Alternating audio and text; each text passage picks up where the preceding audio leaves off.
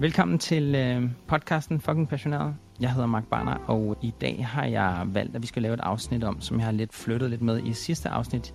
Og lige om lidt, så får Amalie lov til at fortælle lidt, og jeg skal nok øh, komme lidt nærmere ind på, hvad det skal handle om. Jeg starter med at lige at sige, hvis du ikke har hørt podcasten før, så øh, lyder den sådan her. Hej, jeg er Mark Barner, og jeg er nørd. Forstået på den måde, at jeg bliver så nemt passioneret om alle typer emner, og jeg elsker at lære nye ting. Men ikke mindst at lære dig nye ting. Jeg hjælper mennesker med at finde deres egen passion og selvkærlighed i balance. Samtidig selvstændig iværksætter, IT-teknisk specialist, multimediedesigner og er uddannet klavoyant. Men mest af alt er jeg fucking passioneret. Velkommen til podcasten, hvis formål er at inspirere eller bare bekræfte dig i det, du allerede ved. Sponsoreret af macgeni.dk Din Mac og PC-ekspert. Og i dag skal vi øh, snakke lidt om øh, spiritualitet og religion og de ting, der ellers øh, rammer ind der. Grund til, at jeg har valgt at snakke om det og valgt og valgt, jeg har selvfølgelig spurgt min næste gæst, Amalie, men jeg har også valgt at snakke om det, fordi der sker rigtig meget i øjeblikket omkring folk får en opvågning. Jeg sidder i Spanien, og Amalie, hvad jeg ved af, jeg sidder i Danmark, og det vil sige, at, øh, at vi sidder i hver vores vejr, men godt nok i den samme tidszone. Lige her, der øs regner det som det første nærmest, da jeg skal til at tænde podcasten, og det lyner og det tordner. Så der er lidt stemning i baggrunden, hvis man overhovedet kan høre det. Jeg kunne ikke lade være med at tænke på, når vi skulle tale om religion, om der måske var et tegn for Gud. man ved aldrig. Og derfor øh, skal vi komme lidt mere ind på det. Men først og fremmest, før vi taler videre om det, så vil jeg byde velkommen til dig, Amalie. Tak, fordi du gider komme med. Og jeg kunne faktisk sige hej, Amalie, for det hedder du på Instagram, men du hedder Amalie Sætdyb. Jeg ved ikke, hvordan man udtaler, så det kan du måske starte med at hjælpe mig med. Jamen uh, tak, Mark, fordi at jeg måtte være med. Tak for invitationen. Det er altid spændende at, um, at tale om de her emner for mig. Uh, mit efternavn um, det udtales Styb, og det er, fordi jeg er gift med en uh, mand, der kommer fra Polen oprindeligt. Så, um, ah, ja, så giver det mening. Det, det er derfor, ja. Ej, hvor fedt. Og jeg ved ikke, hvordan, uh, hvordan står vejret til i Danmark? Er du uh, ved at blive lynet og tordnet ned der også, eller er det bare mørkt og gråt? Nej, det er bare mørkt og gråt. Ja. Vi har ikke set solen i et par uger nu her øh, i Danmark, men det er jo, det er jo sådan, det er. Altså, jeg kan dokumentere, at den findes stadigvæk solen, fordi jeg har lige haft den øh, lidt i går. Men i dag er der altså lidt gråvejr her i, i Spanien. Så den er, den er der om bag jeg skyer der, derhjemme. Det gør Men, øh, Ja. Men Amalie, lad mig høre din version af, hvordan, hvordan kender vi til hinanden? Altså, jeg har jo i og for sig øhm, kendt til dig ved navn i noget tid, tror jeg. Øhm, både fordi jeg ved, at vi har i hvert fald en øh, fælles spændende, og også fordi, at du har været meget aktiv øhm, i hele øhm, den her coronadebat, hvis man kan kalde det det, i, mm, i mhm, løbet af de sidste man. par år. Øhm, og så øhm, er det jo ikke, fordi vi har kendt hinanden personligt, men så tror jeg, at du har set en video, som jeg har lagt op, hvor jeg har fortalt mit vidnesbyrd omkring min rejse, både sådan rent ideologisk og spirituelt, hvad jeg har været igennem og hvor jeg er nu. Øhm, og det vagt din øh, nysgerrighed, tænker jeg, og så skrev du til mig, om jeg ville være klar på at snakke om de her ting, og det synes jeg bare er mega fedt. Ja, det er præcis. Men jeg synes, det var ret fedt, fordi du lagde en video ud, hvor du kaldte det din vidnesbyrd. Og man kan finde den, hvis man lige vil se og have lidt indsigt, så synes jeg, at Amalie er ret modig. Fordi at du går sådan set ud og taler lidt om det. Man kan, den hedder bare Amalies vidnesbyrd 13, 11, 22. Og den ligger på YouTube. Og jeg synes bare, du sagde nogle rigtig spændende ting, men jeg synes også, der var noget som i mig, som var sådan, nej, jeg har lyst til, at vi skal have en samtale om det her. Der, der er ting, der trigger i mig. Og jeg har jo altid haft det sådan her, når noget triggers i mig, så er det i virkeligheden bare fordi, at der er noget, som jeg måske enten er kædet op på kvæg mit ego, fordi hvis det ikke jeg taler om i andre podcasts, hvis, hvis jeg bliver generet af noget, eller provokeret, eller synes noget er spændende, så er det fordi, der bor en historie i mig om noget af det her, eller der er noget, der resonerer. Og det var der altså i mig, da det var, at du talte om, der var en masse ting, jeg kunne genkende, følte jeg. Men der var også en masse ting, som hvor du brugte nogle ord på noget, som jeg vil bruge nogle andre ord på, men alligevel føltes det som samme tolkning. Og jeg er jo den fulde overbevisning, at der er ikke noget, der hedder den ene sandhed, selvom jeg ved godt, at det er en meget stor del af kristendommen at, at tænke det, men i mit perspektiv er der ikke den ene sandhed, når man tænker på rent menneskeheden. Hvad, hvad ved vi, og hvad ved vi egentlig ikke? Og i sidste ende, når alt kommer til alt, så ved vi ekstremt lidt i forhold til, hvor meget univers og verden, der findes. Men, men vi kan jo kun drage konklusioner ud fra det, vi ved, og derfor synes jeg, det var rigtig spændende. Og du talte blandt andet om, om det gode og det onde, og sådan, hvordan din tid gennem coronatiden har været. Hvad, hvad føler du selv, at, at det var det vigtigste for dig at lave den vidnesbyrd for? Jeg tror, hovedårsagen, det er at få folk til at føle, at de ikke er alene. Altså det her med at give folk noget at relatere til, det ved jeg bare er sindssygt stærkt, øhm, fordi at ja, man kan sige, at jeg er modig med nogle af de ting, jeg gør nu her, men, men det har taget overvis at komme dertil, og jeg ved, der sidder rigtig mange derude, der er et andet sted på rejsen. Øhm, og jeg har lyst til at, at ligesom skabe en følelse af, at man sidder ikke alene med de her ting. Og så har jeg selvfølgelig også øhm, en form for agenda med at fortælle, hvordan jeg mener, at sandheden hænger sammen i forhold til, hvor vi står henne i tidens historie. Altså, jeg tror jo på, at lige om lidt, så er den her verden slut, og Jesus kommer snart tilbage. Og med de briller på, så gør det det bare ekstremt vigtigt at komme ud til så mange mennesker, man overhovedet kan. Altså så bliver ens ego, som man kan kalde det, fuldstændig ligegyldigt. Så tænker man ikke på sig selv længere, og så kan man godt sidde og, og kringe sit hjerte ud, selvom at det jo på mange måder er sindssygt pinligt, og ikke noget, jeg nogensinde ville have gjort for, for nogle år siden. Jeg, jeg har egentlig altid været relativt reserveret, men det tillader Gud mig så ikke at være længere, øh, kan jeg så bare sige, fordi jeg følte mig virkelig kaldet til at bare fortælle min historie helt ærligt, som, som jeg ser den. Ikke? Det var også måske meget det, som jeg netop synes, der var så øh, spændende ved det. Det var, at det var enormt autentisk, altså at se dig og sidde og snakke om det, og, og det virkede også enormt sårbart for dig på samme måde. Jeg kan i hvert fald godt forestille mig, at det har taget noget mod dig. Eller vi fødes jo alle sammen med potentialet for mod, men det kommer an på, hvad vi lytter mest til. Det er det, der plejer at vinde i os, synes jeg. Altså, det er min oplevelse. Og som du siger, at, at Gud har, har kaldet på, at du skulle tale højt om de her ting. Og, og hvis det er rigtigt, hvad du siger der om lidt, er, kommer Jesus tilbage, og i verden har brug for en, en opvågning, så de kan forstå, hvor de, hvor de skal stå, når det sker, så, så er det selvfølgelig vigtigt at få spredt ordet rigtig meget. Og, og det er jo også blandt, altså der kan jeg jo allerede drage en parallel. Jeg føler jo sammenkald, og det, og det ved jeg ikke, om hvis folk ikke har hørt den her podcast før, om, om mig og mine, mine indsigter, jeg siger også i introen, jeg er uddannet klaviant. Jeg er på ingen måde så religiøst øh, sted hen, hvor jeg siger, det der står jeg bare fuld og fast. Men jeg må bare erkende, at der er nogle, nogle ting, nogle gaver, jeg har fået med i mit liv, som jeg altid har benyttet mig af på den ene eller anden måde. Og jeg har altid kun set, at det har båret gaver med sig, ikke til mig, men til andre. Så jeg har følt, at jeg har været til service for mange mennesker i rigtig mange år, og hjulpet dem med at se ting, både ved, at jeg måske har haft en adfærd, de synes har været irriterende. Netop det der med, at man kan sige noget, og så kan man fylde meget. Og det er der nogle mennesker, der synes, ej, det er bare dødirriterende. Men i virkeligheden ser jeg det bare som, at der foregår en healing over i dem. Hvis de ikke kan rumme, at der er et andet menneske, der taler på den måde, som du for eksempel gør, eller siger, og de ting, du siger om, om Gud og, og Jesus og sådan nogle ting, som vi forhåbentlig også kommer ind, tættere ind på, jamen, så hvis man ikke kan rumme det, så er det fordi, der er noget i en selv, der ikke kan rumme det. Muligvis fordi der ligger en sandhed bag det, eller også så ligger der noget foragt af en art. Og det foragt bunder ofte i en eller anden følelse, for i virkeligheden så burde vi jo alle sammen være i min optik, fordi jeg er spirituelt anlagt. Jeg tror på det guddommelige, jeg tror på det højere jeg, jeg tror på det spirituelle. Og det spirituelle for mig, det, er sådan lidt, det kan være lidt luftigt for mange, men i, i, i mit sind og i min krop er det enormt defineret. Så det kan være, at, at Amalie, hvis du har lyst til undervejs at stille spørgsmål for at få uddybet et eller andet, hvor i alverden det kommer fra min, min oplevelse af de her ting, så, så er du velkommen til det.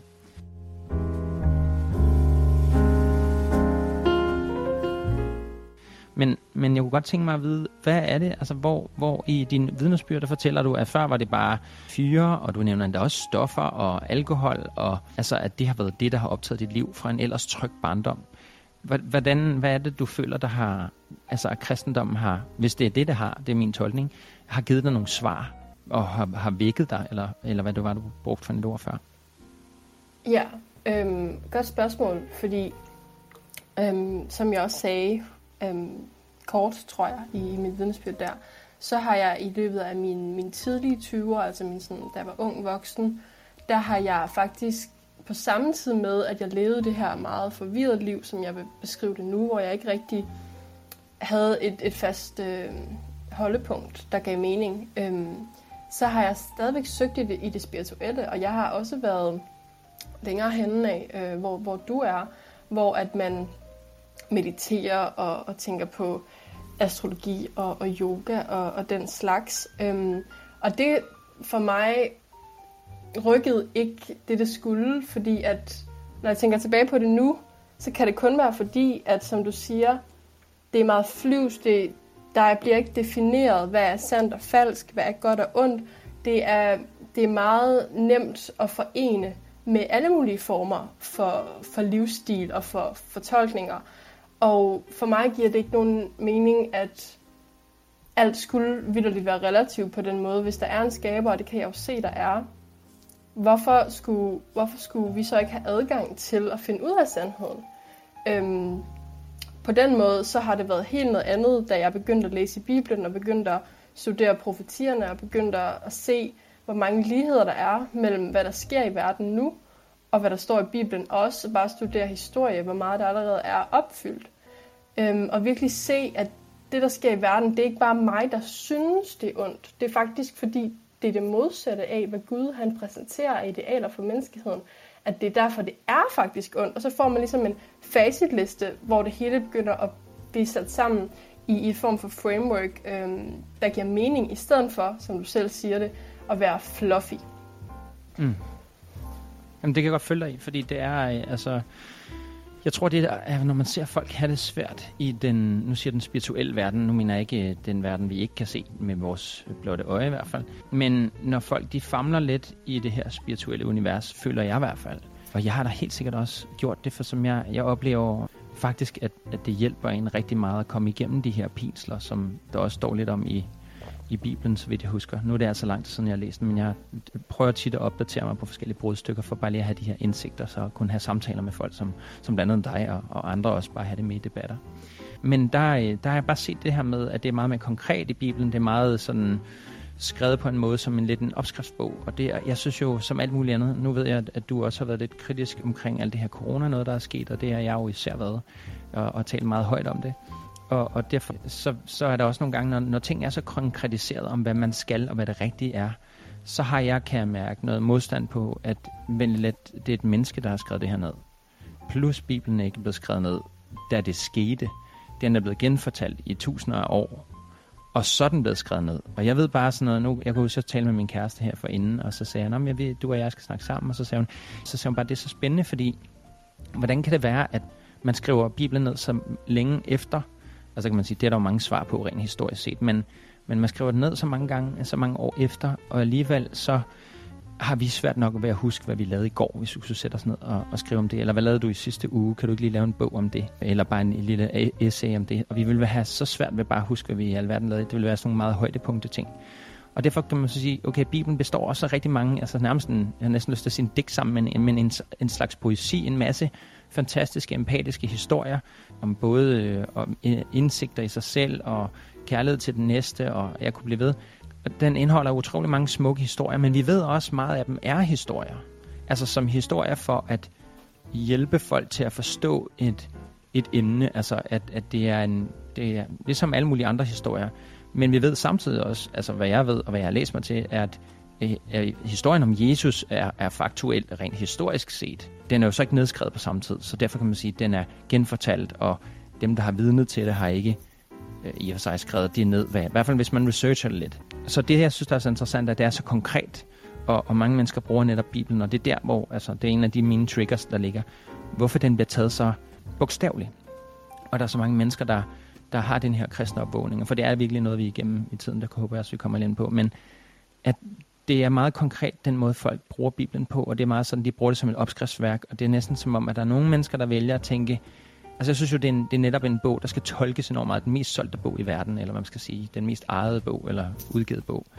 Og jeg synes jo netop, at Bibelen tolker på så meget hele tiden. Altså Jesus, han går blandt andet på vandet, og han spreder havene, og han laver sit kød om til, til brød, eller blod om til, til vinen og sådan noget. Altså, der er jo en masse ting, som ikke kan være faktuelle i den, fordi mere mindre han var magiker og kunne sådan nogle ting, som der jo også er en snak om, at det kan være både godt og skidt at kalde ham det.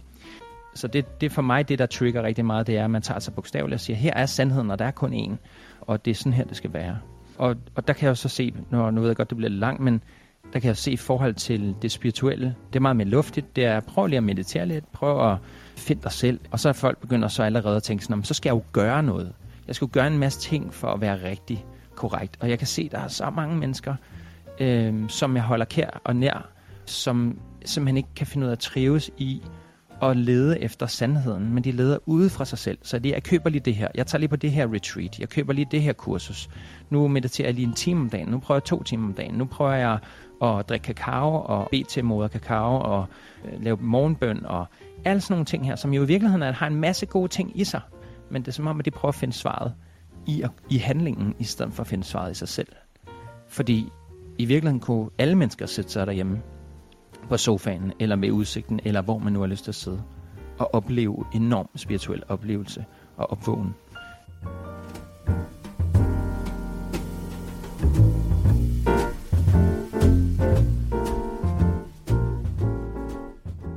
Så jeg, jeg forstår godt din argument for, hvorfor i alverden, altså man kan jo blive enormt forvirret. Hvad, hvad, hvad var det, der gjorde dig så forvirret i den her spirituelle verden, da du var der? Altså, hvad, hvordan brugte du det? Hvad, hvad var det, der, øh, hvis jeg må sætte det ord på, fejlede for dig i, i, øh, i øh, at være spirituel på den måde? Øhm, jeg ved ikke, om, om det fejlede. Altså, jeg tror, jeg så dyppede jeg en tog lidt i det ene, og så lidt i det andet, og så lidt i det tredje. Og så følte jeg ligesom, at jeg havde fået svar nok på en måde. Så kunne jeg bare bruge det lidt, når jeg selv øhm, følte, at, at, jeg havde, øhm, at jeg havde behov for det. Øhm, men det er jo ikke sådan, at jeg har været ekstremt langt inde i det på den ene side, men på den anden side, så på den anden side har jeg, fordi da jeg først begyndte at undersøge omkring, hvad er sandhed, hvad, hvad er op og ned inden for den spirituelle verden, der kom jeg faktisk ret hurtigt dybt ind i nogle ret ukulte skrifter, altså mennesker som Alistair Crowley, Helena Blavatsky, Alice A. Bailey, alle de her mennesker, som i løbet af 1900-tallet faktisk har været dem, der har stået bag ved at popularisere den her vestlige spiritualitet, som tager en masse fra Bibelen og en masse fra hinduismen osv., og, og mm. merger det sammen til den her New Age-bevægelse. Og det, de mennesker faktisk står for, det er jo, at, at Lucifer, Satan, faktisk gjorde menneskeheden en tjeneste, da han sagde til Eva i Edens have, du kan blive ligesom Gud, hvis du spiser af det her æble. Men det er jo det modsatte af, hvad der står i Bibelen. Og det er også derfor, jeg ser faktisk, at hele den her spirituelle bevidst, øh, bevægelse er ret modsat til, hvad der står i Bibelen. Selvom jeg ved godt, der findes en masse sandhedssøgende, oprigtige mennesker i den bevægelse. Det er ikke menneskerne, som sådan, jeg har et behov for at dømme overhovedet. Det er mere, når du kigger på historien, hvordan New Age-bevægelsen den faktisk er opstået, og hvordan dem, der startede for eksempel FN, de faktisk også var dybt inde i det her okkultisme. Øhm, og det kommer blandt andet også fra en masse øhm, jesuitpræster, som er den sande Illuminati forbundet til, til paveherredømmet. Og det for mig er bevis nok på, at den her awakening, som mange snakker om, den faktisk er et kontrolleret narrativ. At ja, vi er, har masser af mulighed for at interagere med den spirituelle verden, men at gøre os selv til guder og begynde at sådan tilbede skabelsen, som man jo for eksempel gør i, i klima, øhm, klimaagendaen også, og som jeg ved, der også er mange, der gør inden for, inden for de her bevægelser, så er det jo moder jord, og det er astrologi, sol, måner og stjerner. Det er det modsatte af, hvad Gud ønsker, og så længe det er det modsatte af, hvad Gud ønsker, så er det lige meget for satan, om det er straight up satanisme, eller det er bare noget, hvor man blander sandhed og løgn på sådan en meget snedig måde, så folk de føler, at de har fundet noget, der er sandt. Øhm, ja, og noget andet, jeg lige... Fra... Ja, undskyld, ja, det er fordi, jeg fik lyst til at spørge, spørge dig om, har... tager man ikke du kan også bare starte. Nej, men det, det, det, var, det var en helt anden kommentar. Det var bare i forhold til det, du sagde med, at Bibelen, den... Øhm, der var mange ting, der ikke fysisk var muligt og den slags. Der vil jeg bare sige, at, at det mener jeg ikke. Altså, jeg tror på, at alt, hvad der står i Bibelen, er bogstaveligt, og når du begynder at, at, at tolke på den, så kommer du ud i nogle fortolkninger, der ikke rigtig giver mening. Så på den okay. måde, så er det enten eller, ikke, for mig. Ja, men det forstår jeg godt. Og det, og det var også det, som egentlig øh, lå, lå mellem linjerne, altså jeg vil vide, hvor, hvor, hvor bogstaveligt tager du den. Fordi at jeg jo netop synes, at, at der er enormt mange folk, der tolker det. Altså nogle af de højeste mennesker, man har... Nu, nu fortæller om, hvor meget korruption der foregår. Og jeg kommer til at sidde og tænke på, når man, hvis man tager Bibelen så bogstaveligt, som rigtig mange præster også gør, men det er de samme præster, der gang på gang bliver dømt for øh, at udnytte små drenge eller øh, pigebarn, børn seksuelt Altså, vi taler om de, nogle af de mennesker, vi har allermest tillid til, som er de præster, vi kommer til i kirken og lytter på, fordi de må jo være tættere på Gud, tænker vi. Og alligevel er de så egostyret, at de udnytter og misbruger børn. Og dernæst så kommer jeg også til at tænke på, hvis vi kigger på det rent historisk, som, som du også nævner, er vigtigt, så har vi bare øh, korstogene. Altså de her, da man skulle udbrede kristendommen, så gik man i, altså brugte man militæret til at komme og slå folk ihjel, der ikke tilbed, altså var, var under, hvad kan man sige, overgav sig til Kristus eller overgav sig til Gud. Men ellers før det havde folk været hedenske og levet på samme måde i fred ellers. Men der kom nogen og sagde, nej, nu skal du tro på det her. Lidt ligesom regeringerne gør i dag. Lidt ligesom hele den agenda, du snakker om med klimaagendaen, som jeg heller ikke er stor fan af. Fordi hvad er det for en mistillid, man har til, at moder jord ikke kan finde ud af selv at klare, øh, klare sig? Og hvorfor skulle vi kunne være så stor en faktor til, til at smadre jorden? Øh, det er sådan, det er meget, øh, altså jeg synes bare endnu en gang, det er sådan en eller anden fis, der kommer fra en, altså fordi jeg også kigger på dataen, så det er altså ikke bare en mening. Men jeg lytter selvfølgelig til alle de kloge folk, som jeg nu kan til at høre på de her ting. Men jeg synes stadigvæk, at historien er relevant, fordi hvorfor er det satanisme, når nogle andre gør det? Men hvis så længe man har Kristus øh, om, hængende om halsen, eller i hans ideologi, så er det okay at slå ihjel, og så er det okay at lave korstog, så er det okay at fordømme, og så er det okay at gøre alle de her ting. Altså det, det synes jeg jo sådan lidt er dommoralsk. Øh, ikke at jeg, jeg, jeg skal også lige tilføje, jeg tror absolut på, at Jesus eksisterede. Helt 100 procent. Jeg tror bare i min optik, at Jesus var det, man vil i den spirituelle verden kalde stjernebarn. Han var et, et menneske med evner og en enorm indsigt og en, en enorm høj empati og et fantastiske healeregenskaber. Så for, for mig at se, det, det, han, han er så vigtig for historien, for han påminner os om, hvordan vi kan komme hjem i os selv, og hvordan vi kan finde en enorm stor purpose i at være til service for andre, men ikke på bekostning af at give slip på sig selv, ikke på bekostning af at skulle lide under at give sig til andre. Og der er nogle historier i, i øh, og der kan man så, så det kan være tolket eller ej, men der er nogle historier i Bibelen, som jeg også mener, kan, øh, kan altså udfordre det narrativ, fordi det lyder nogle gange som om Jesus han lader sig opsluge af andre folks synd, og, og, og lader sig være selv, altså det der med at vende den anden kendt til, han tager imod. Men, men nogle gange synes jeg jo, at noget af det vigtigste i livet at lære, det er jo faktisk at kunne sige fra. Det er jo også det, vi har gjort med regeringen, eller øh, politikere, der lyver, eller nogle andre ting, synes jeg, det er enormt vigtigt. Og det er ikke, fordi jeg siger, at Jesus slet ikke øh, sagde fra eller noget. Jeg synes bare, der er nogle øh, beretninger om ham, som viste, at han... Øh, altså ikke, fordi han skulle have slået igen, eller sådan noget, men han kunne øh, flytte sig fra situationen, ligesom jeg vil sige, hvis jeg kendte nogen, der fik et slag i hovedet, så siger prøv lige at lade være med at stikke hovedet frem, så næste gang der er nogen, der prøver at slå ud efter dig, prøv at flytte dig fra den person, eller lade være med at overhovedet være til stede. Men samtidig er der også en, en snak om, at nogle gange så skal man tage imod nogle slag, for at vide og lære, at altså, det er jo en, der er en stor læring i det der med at, at lide under noget smerte. Det ved jeg ikke, hvad synes du om det, jeg lige sagde der? Øhm, jeg synes, til det første du sagde i forhold til det her med, at, at præster de voldtager børn, det gør alle til sydmadende, der har magt i den her verden efterhånden. Ja, Og, og, og korstogene øh, og så videre. Der vil jeg bare lige gøre det klart, at jeg, det er ikke en holdning, jeg har overhovedet, at så længe man gør noget i, i Guds navn eller i, i Jesu navn, så må man, så må man gerne slå ihjel eller tvinge folk til at tro noget bestemt. Overhovedet ikke. Fra mit perspektiv, så alle de korstog, som blev gjort af den øhm, romersk-katolske kirke i middelalderen, og alt, hvad, hvad paveherredømmet øh, repræsenterer i dag, og faktisk også, hvad de fleste andre kirker repræsenterer i dag, fra sådan et hierarkisk standpunkt i hvert fald, er mm-hmm. ikke noget, der har noget som helst med Bibelen at gøre. Øh, så jeg har ikke et behov for at forsvare den måde, mennesker de bruger kristendom i dag overhovedet. Øh, jeg tror bare på, at Bibelen er Guds ord, og jeg kan læse i Bibelen igennem de profetier, der har været, at det faktisk er paveherredømmet, der er antikristsystemet, som udgiver sig for at være noget godt, og som ikke er. Der står også i Bibelen, Satan udgiver sig for at være en, en lysende engel. Altså det, det er meget normalt faktisk, at det kan se så godt ud på, på ydersiden, men så er det det jo overhovedet ikke i virkeligheden. Mm. Øhm, og så siger du det her med, at, at Jesus han vendte den anden kind til, og, og tænkte ikke på sig selv, men tænkte på andre. Og han kunne have fjernet sig selv fra mange situationer. Den, den vildeste ting, der jo skete med Jesus, det var jo, at han blev korsfæstet. Mm. At han lod det ske.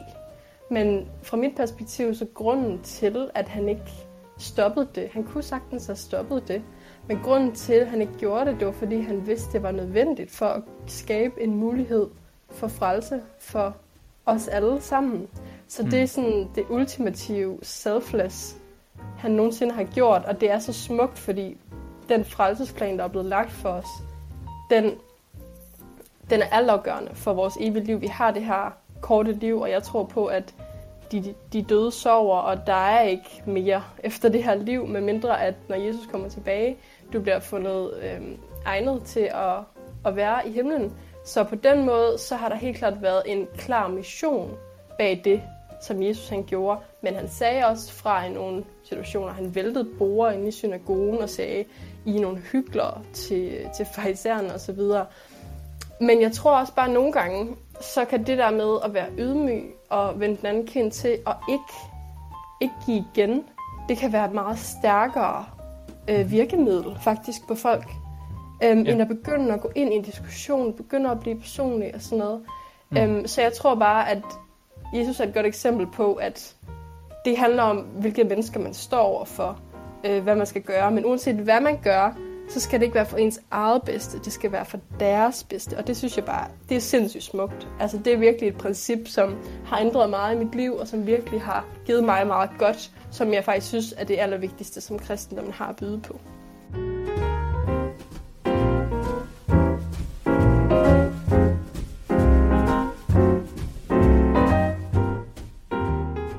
Noget smukt over, at Jesus... Altså, der er jo nogle ting, hvor man må sige, øh, man må ofre sig.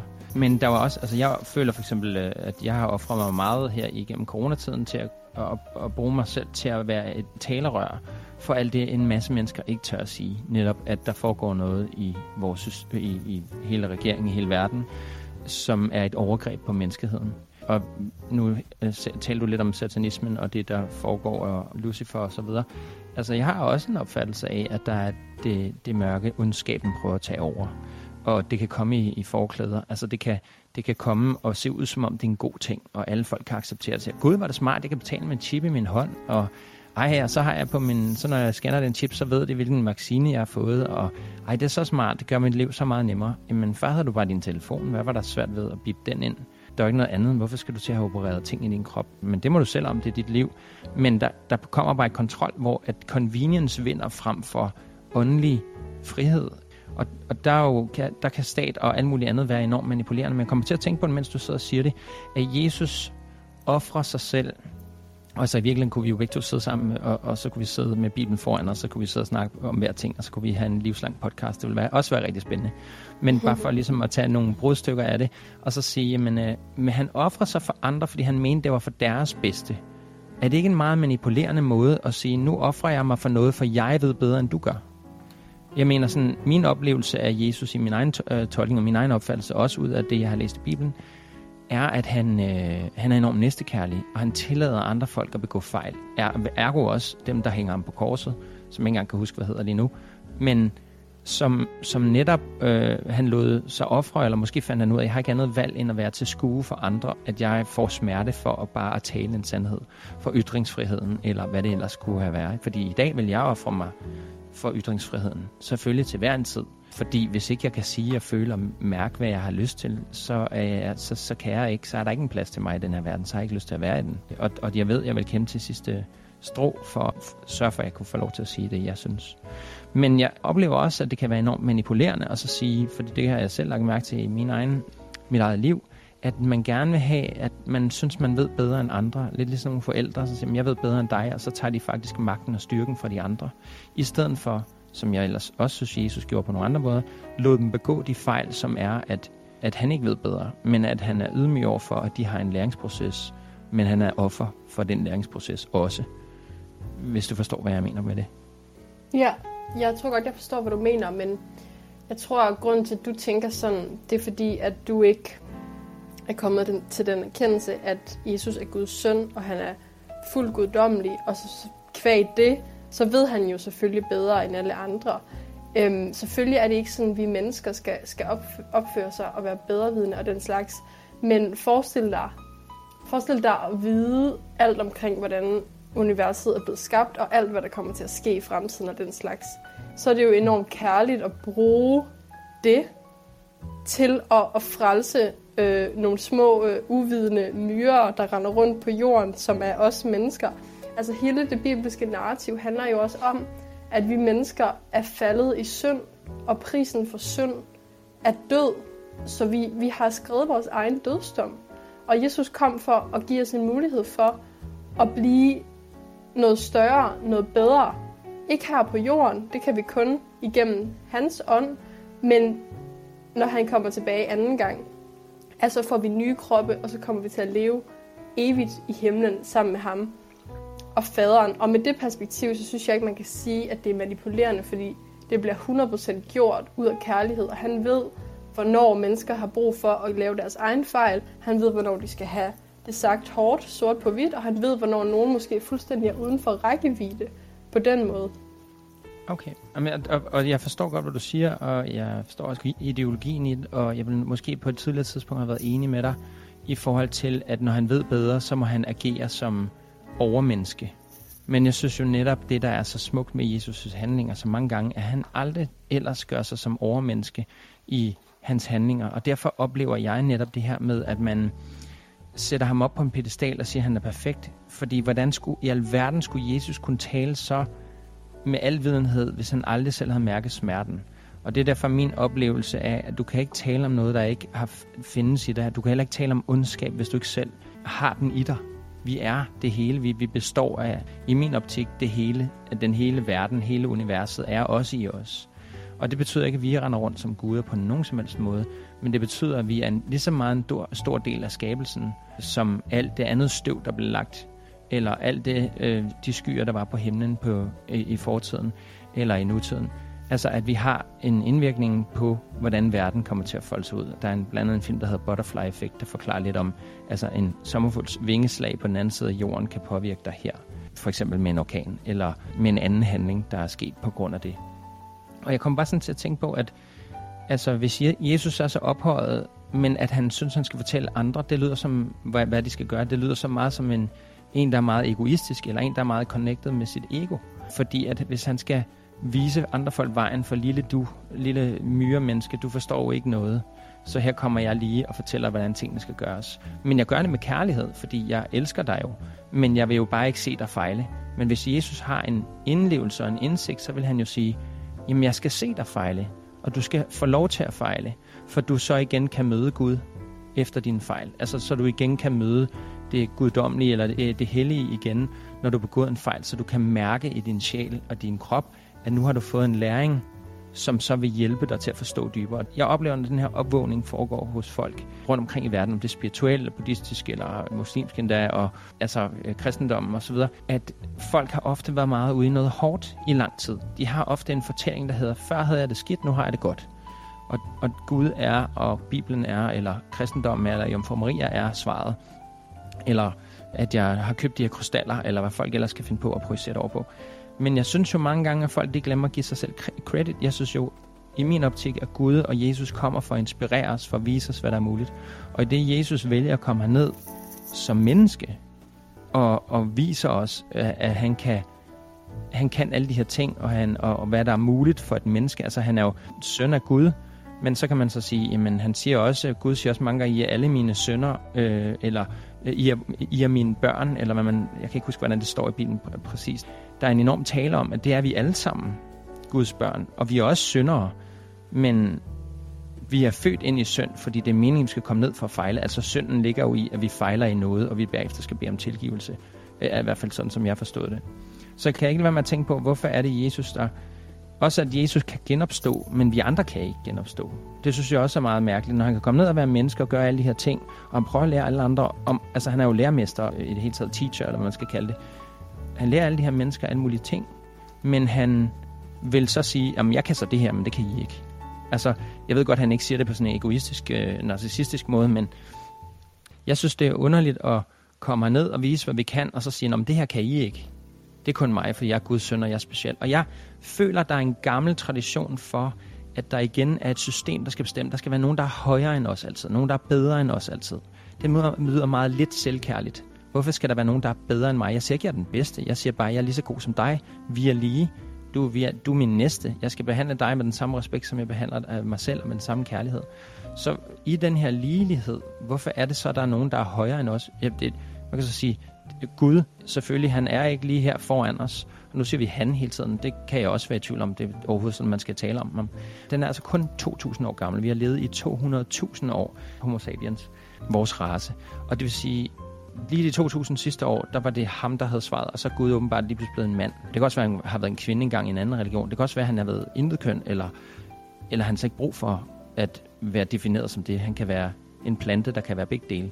Altså, bare for ligesom at, at tage det lidt på et filosofisk plan. Det virker lidt som om, at den er blevet, altså, at Bibelen er blevet manipuleret til, at den er skrevet af mænd. Det er altid også de, de 12 disciple er alle sammen mænd. Vi nævner slet ikke Maria Magdalene, som havde en kæmpe, kæmpe effekt i hele Bibelen øh, øh, og for hele, hele den tid. Men hun nævnes ikke andet end, at Jesus øh, elskede hende højere end de andre og sådan nogle ting. Så der er en masse spørgsmål for mig om, hvorfor skulle der overhovedet være nogen, der var højere end andre?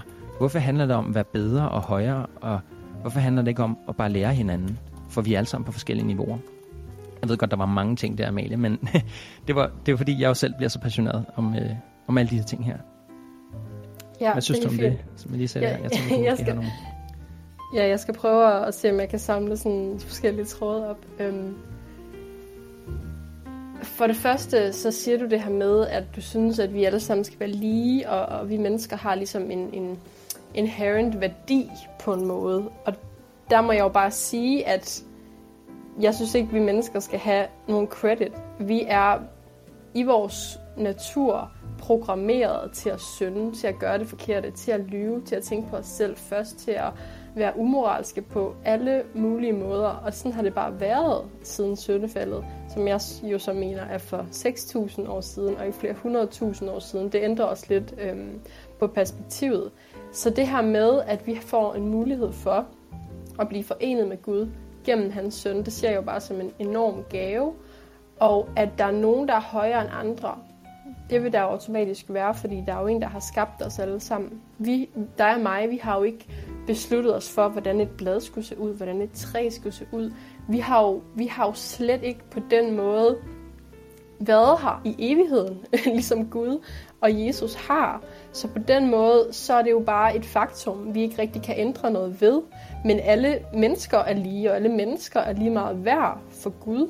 100 procent. Det er der slet ikke nogen tvivl om, og det er også derfor, at vi kan blive, blive Guds børn. Men det betyder ikke, at vi er Guds søn, ligesom Jesus. Det er han, det er han den eneste, der er. Han gennemgik et liv her på jorden. Han var i live i lidt over 30 år, ikke? Han levede uden at synde. Han var det perfekte eksempel for os. Det er der ingen andre, der nogensinde har gjort. Men selvom han prøvede at lære os alting i kærlighed, så gjorde han det jo aldrig på en måde, hvor han tvang folk til noget, hvor han var nedladende. Og det er jo lige præcis det, der, der er det fantastisk smukke bag kristendom. Også derfor, jeg siger alt det her med, at man skal selvfølgelig gå ud og dræbe folk, der tror noget, som man ikke selv tror, fordi det er jo hele princippet, det er jo fri vilje. Det er jo det, er jo, det, er jo det der gør, at vores Gud er en kærlig og fantastisk Gud, og han tvinger os ikke til at følge ham. Det må vi selv bestemme. Men hvis vi vælger ikke at gøre det, så har vi bare kun det her ene liv at lege i. Altså så får vi ikke mere tid. Og øhm, det er jo ingenting i forhold til evigheden, øhm, fra mit perspektiv. Øhm, og alt det her med, at, at Jesus og Gud øhm, ikke må være ophøjet over andre, det spiller jo lidt ind i, i den her okulte fortælling om, at Gud er en tyran, at han ikke ønsker, at vi skal have al den viden, viden som vi kunne have haft. Øhm, da slangen siger til, til Eva, at du bliver ligesom Gud, du kommer til at vide mere, når du spiser det her æble, så tror hun jo på det, fordi hun gerne vil være mere, men det blev så ikke altså, på en god måde, fordi vi er, vi er bare mennesker på den her jord lige nu, og Lucifer, han øh, var jo en af de største engle i himlen, inden han, inden han ligesom faldt og, og, og blev satan, blev, blev den her rebel, der var imod Gud og hans øh, regering og, og lov. Og grunden til, at han faldt, det var, fordi han blev misundelig på Jesus og på Gud. Han sagde, hvorfor, hvorfor er jeg ikke lige så speciel?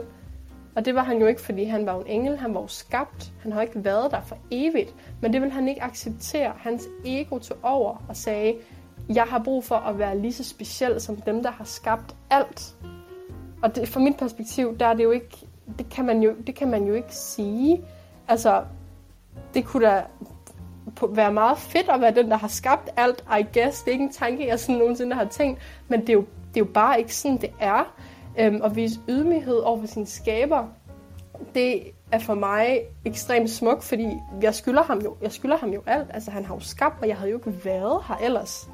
Så ja, jeg tror, det, det er mit perspektiv på, på de ting, du lige sagde der.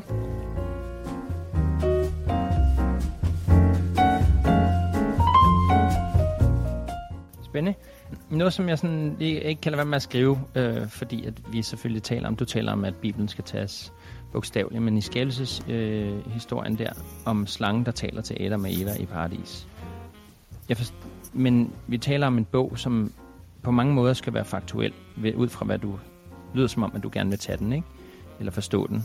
Men når man sådan, hvis man researcher lidt på det, så er der i hvert fald historier om, at, at de her ting er en tolkning af en historie, der er sket, og man ved som altid, at hvis man skal genfortælle en historie, så plejer man at fortælle den på en lidt mere forståelig, sjov måde, så man får pointen nemmere frem. Eller ligesom en film, man dramatiserer det, så sætter man nogle ekstra figurer ind, for at ligesom at fortælle historien bedre. At der er, at man måske, måske tager man en mere ind, eller en mindre ind, for at øh, gøre historien mere spiselig, forståelig, og altså den trænger ind rigtigt. Og den, en ting, jeg bare lige falder over, det der med slangen. Altså nu taler vi om, det skal være, øh, den Bibelen skal ses som måske lidt fakta, fordi den også er historisk. Men der mener jeg også bare sådan, hvorfor er der, altså, hvorfor er der en slange, der taler? Hvordan hænger det sammen? Og hvorfor har de overhovedet troet, at det vil være noget, vi kunne bruge i fremtiden nu? Vi har i hvert fald ikke nogen slanger, der taler lige sådan, medmindre man er magiker igen, eller man har spirituelle evner, eller eller noget andet, der kan gøre, at man kan se, at slanger, der taler. Hvordan forklarer du det ind i sådan et, hvis du siger, at det er sandheden, hvad der står i Bibelen? Altså, hvordan kan en slange så tale? Og hvordan kan et æble så ændre mennesker for altid? Altså, for det første så var Edens have jo et helt andet miljø, end det vi har nu. Øhm, de blev lukket ud af Edens have, efter de faldt. Øhm, og for det andet, så sker der jo overnaturlige ting. Det kan vi jo godt blive enige om. Så jeg tænker, at, at, at Satan taler igennem en slange, i stedet for at, at vise ham selv som Satan, det virker meget realistisk. Øhm, det er ikke noget, jeg har brug for at sige, at min menneskelige forstand skal ligesom forstå øhm, ned til en, en høj detaljegrad, fordi jeg ved, at, at spirituelle ting sker, og at det overnaturlige findes.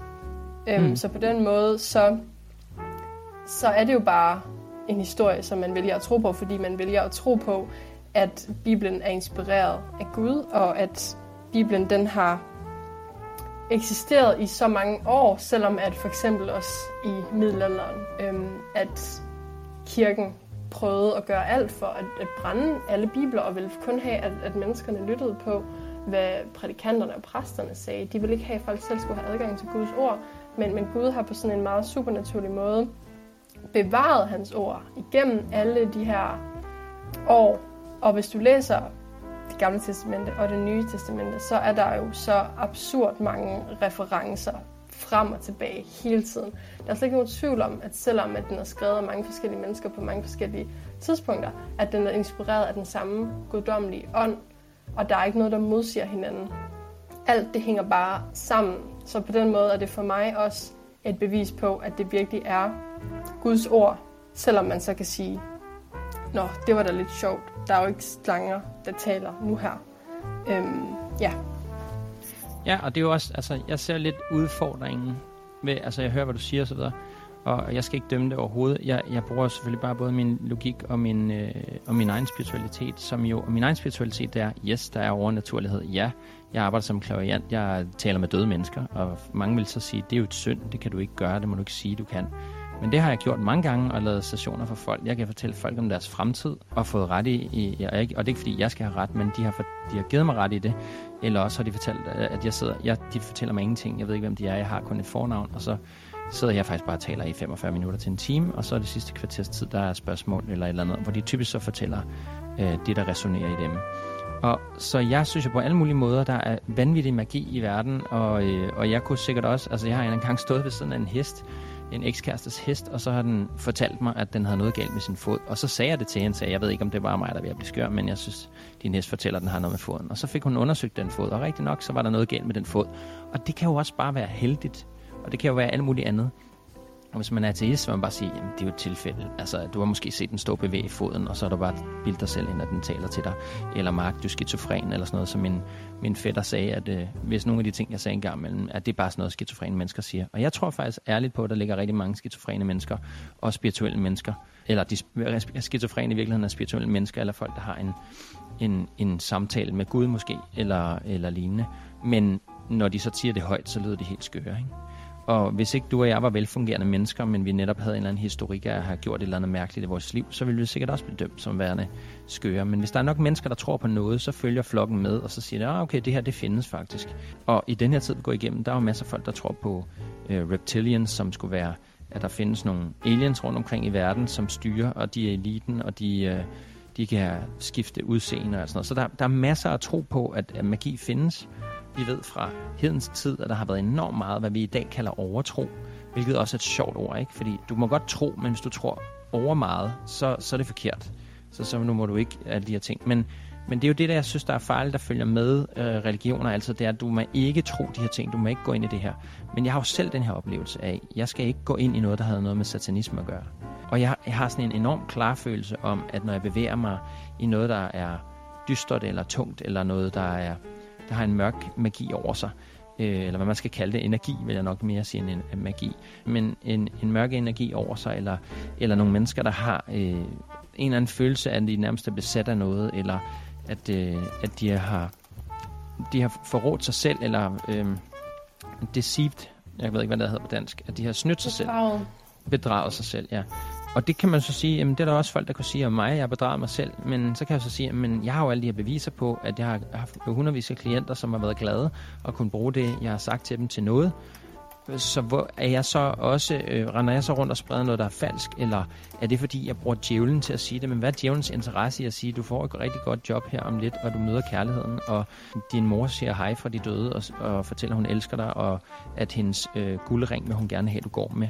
Og de er bare sådan, gud, hvor vidste du fra, at hun havde en guldring, hun havde, du har givet, uh, hun har givet mig? Og sådan nogle ting, hvor man ligesom siger, okay, så bruger jeg, bruger jeg så... Øh, altså ifølge kristendommen, jeg ved godt i forhold til mig selv, hvad der er, der foregår, men i forhold til kristendommen, så må jeg jo være tættere på at være øh, på, i satanismen, fordi jeg ikke respekterer Gud, og jeg kommer og siger, at jeg har svaret på noget. Jeg, og det gør jeg jo aldrig. Jeg siger aldrig, at jeg har svaret, men jeg siger, at jeg har mit svar, og jeg har noget, der kan inspirere og motivere. Fordi i mit hjerte, der er jeg bare fyldt med så meget kærlighed til mennesker, når jeg sidder med dem. Og så sagde du før, at jamen, øh, Satan han kan sagtens forklæde sig i lys. Og så sådan lidt, men okay, hvis Gud er på den her jord, hvorfor i alverden vil han tillade Satan at gøre sådan nogle ting? Og hvis Gud har skabt det hele, hvorfor i alverden har han så overhovedet skabt Satan? Og så må man sige, okay, det står der en masse ting om i Bibelen.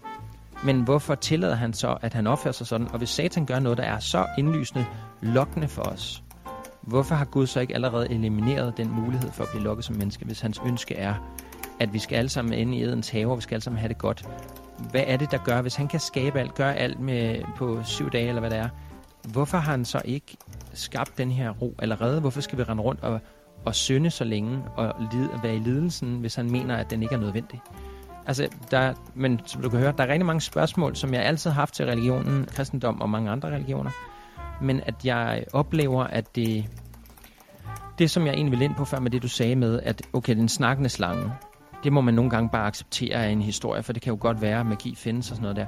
Men for mig er det lidt ligesom af folk, der bare siger, mm, jeg ved ikke, og det kan jeg jo selv fange mig selv i, skal jeg lige sige, så det er ikke fordi, jeg bare øh, bebrejder dig, eller det skal gå, det er slet ikke øh, personligt, men jeg mener, at rent psykologisk er det noget, folk de dismisser, eller øh, lader sådan nogle ting glide fint igennem, fordi de lige har besluttet sig for, at alt det andet tror de på.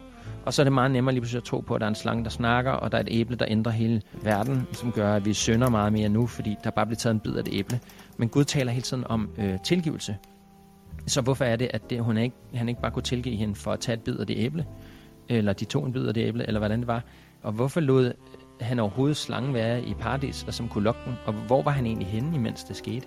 Altså jeg mener, han, hvis Gud er her hele tiden og alle steder, så er der bare så mange ting i de historier, hvis man bare sådan rent øh, logisk taler om det, som ikke giver mening, men folk får det til at give mening. Og det er jo også det, der sker, når jeg sidder og laver en klaviance. Det jeg siger nogle ting, og så siger jeg måske, jeg kan se, at du kører rundt på en hvid cykel. Og så er sådan, jamen det er rigtigt, jeg kører rundt på en cykel, det kan jeg godt huske, det gjorde jeg. Og det kommer jeg også til at gøre i fremtiden, det er rigtigt, øh, men den er altså rød. Og så kan man sige, at det passer overhovedet ikke. Men de accepterer, at jeg sagde hvid som en mindre bagatel. Og jeg har siger faktisk også mange gange i starten med klaviance, jeg er ikke så god til farver, hårfarver, øjenfarver, altså nogle ting der. Øh, men jeg, det, jeg går mere op i det, der er sådan, altså den måde, jeg ser det på, det bliver bare fortalt sådan, og du kan bruge det, du kan bruge. Så det er klart, at man bliver nødt til, øh, den der sidder og lytter, vil være automatisk klar til at prøve at få det til at passe ind i sit liv. Og det er også sådan, jeg oplever, at Bibelen er, at man får det til at passe ind i sit liv. Og jeg er helt altså med på, at Bibelen skaber så meget godt. Det, jeg bare har svært ved, det er de her historier, at vi køber dem som fakta. Og at det, jeg har svært ved, det er, at, at, den, at Bibelen også fordømmer. For det synes jeg jo lige præcis, at det er modsat af, hvad Guds, hvad jeg, hvad jeg oplever, Gud kan med den kærlighed, vi består af. At den er vi, som du sagde. Jeg er jo tak, tak for Gud, at jeg er her. Men jeg mener jo netop, jeg kalder det nogle gange det guddommelige, fordi jeg føler, at det ikke bare er én Gud, men det er, det er en, en sammenhæng af noget energi, som jeg ikke øh, vil komme til dig ind på i dag, medmindre du ved noget, hører noget. Men altså, så, så jeg mener bare sådan, at, at han, han er en energi, som ligesom øh, er der, og han er, han er altid kærlig i sine handlinger, og han burde jo have den mindste interesse i ikke at straffe os, hvis han bare er kærlig. Men hvis han kan se, at vores, den straf, vi får, så kan udløse noget kærligt, vil han så lære os brænde os, brænde os på lyset, for at vi igen kunne lære, at af, det giver ondt. Jeg skal ikke længere stikke min finger i lys, og jeg skal heller aldrig nogensinde skubbe nogle andre mennesker ind i et bål. Så der er sådan en masse spørgsmål, kan du høre, som, jeg, som min logik og min spiritualitet kan ikke forenes med den her meget konkrete måde at tænke på. Hvor jeg netop oplever, at Bibelen er sindssygt god, dengang den var skrevet. Men i dag synes jeg ikke, den har, øh, den har ikke øh, lige så godt, godt fod på, hvad den prøver at sige, fordi der er for mange udenomsnak af historier. Og så er der meget, enormt meget symbolik i den, som jeg synes kan enormt nemt misforstås. Fordi i dag betyder en slange ikke det samme, som den gjorde i gamle dage. Og hvis folk er misledt af slanger, og det her kunne jeg faktisk være enig med dig i, slangen er ondskaben eller satan, som lokker. Og hvis man kigger på lægevidenskaben, hvad der symbol er for det, så er det en, jeg kan ikke huske, hvad den hedder, øh, men det er en metalstang med en slange, der snor sig rundt om. Og så igen sådan, okay, jeg siger ikke, læger er onde, men jeg siger bare, at igennem den her pandemi har det i hvert fald vist sig, at medicinalindustrien og lægerne er gået sammen om at gøre noget mod verden, som vil ødelægge verden, og har allerede i gang med at ødelægge verden i flere hundrede år fremtiden. Det tror jeg var lige min rant herfra, Amalie. Må jeg høre, hvad du siger? Ja. ja, altså det er meget spændende, det du siger med, at øhm, de her øhm, lægesymbol med den her serpent, det, øhm, det er jo... Øh, det er jo en direkte reference, og jeg mener jo også, at når der står i, i Johannes åbenbaring, at, øhm, at Satan vil bedrage hele verden med, med, med pharmacia, som er et gammelt græsk ord, som jo er blevet mm. brugt som stammen i ordet pharmaceuticals og alt det her, at det er ikke tilfældigt, at det er profeti, der, der udspiller sig lige foran vores næse. Men i sidste ende, så er alt jo tro. Jeg kan tro på Bibelen. Du kan tro på noget andet. Mm. De fleste mennesker tror i Danmark i dag på øh, evolutionsteorien og øh, ting for mig, der skører, Big Bang og den slags. Men mm. vi mennesker må også bare erkende, at vi kan ikke i, i os selv vide alle svarene. Alt er tro.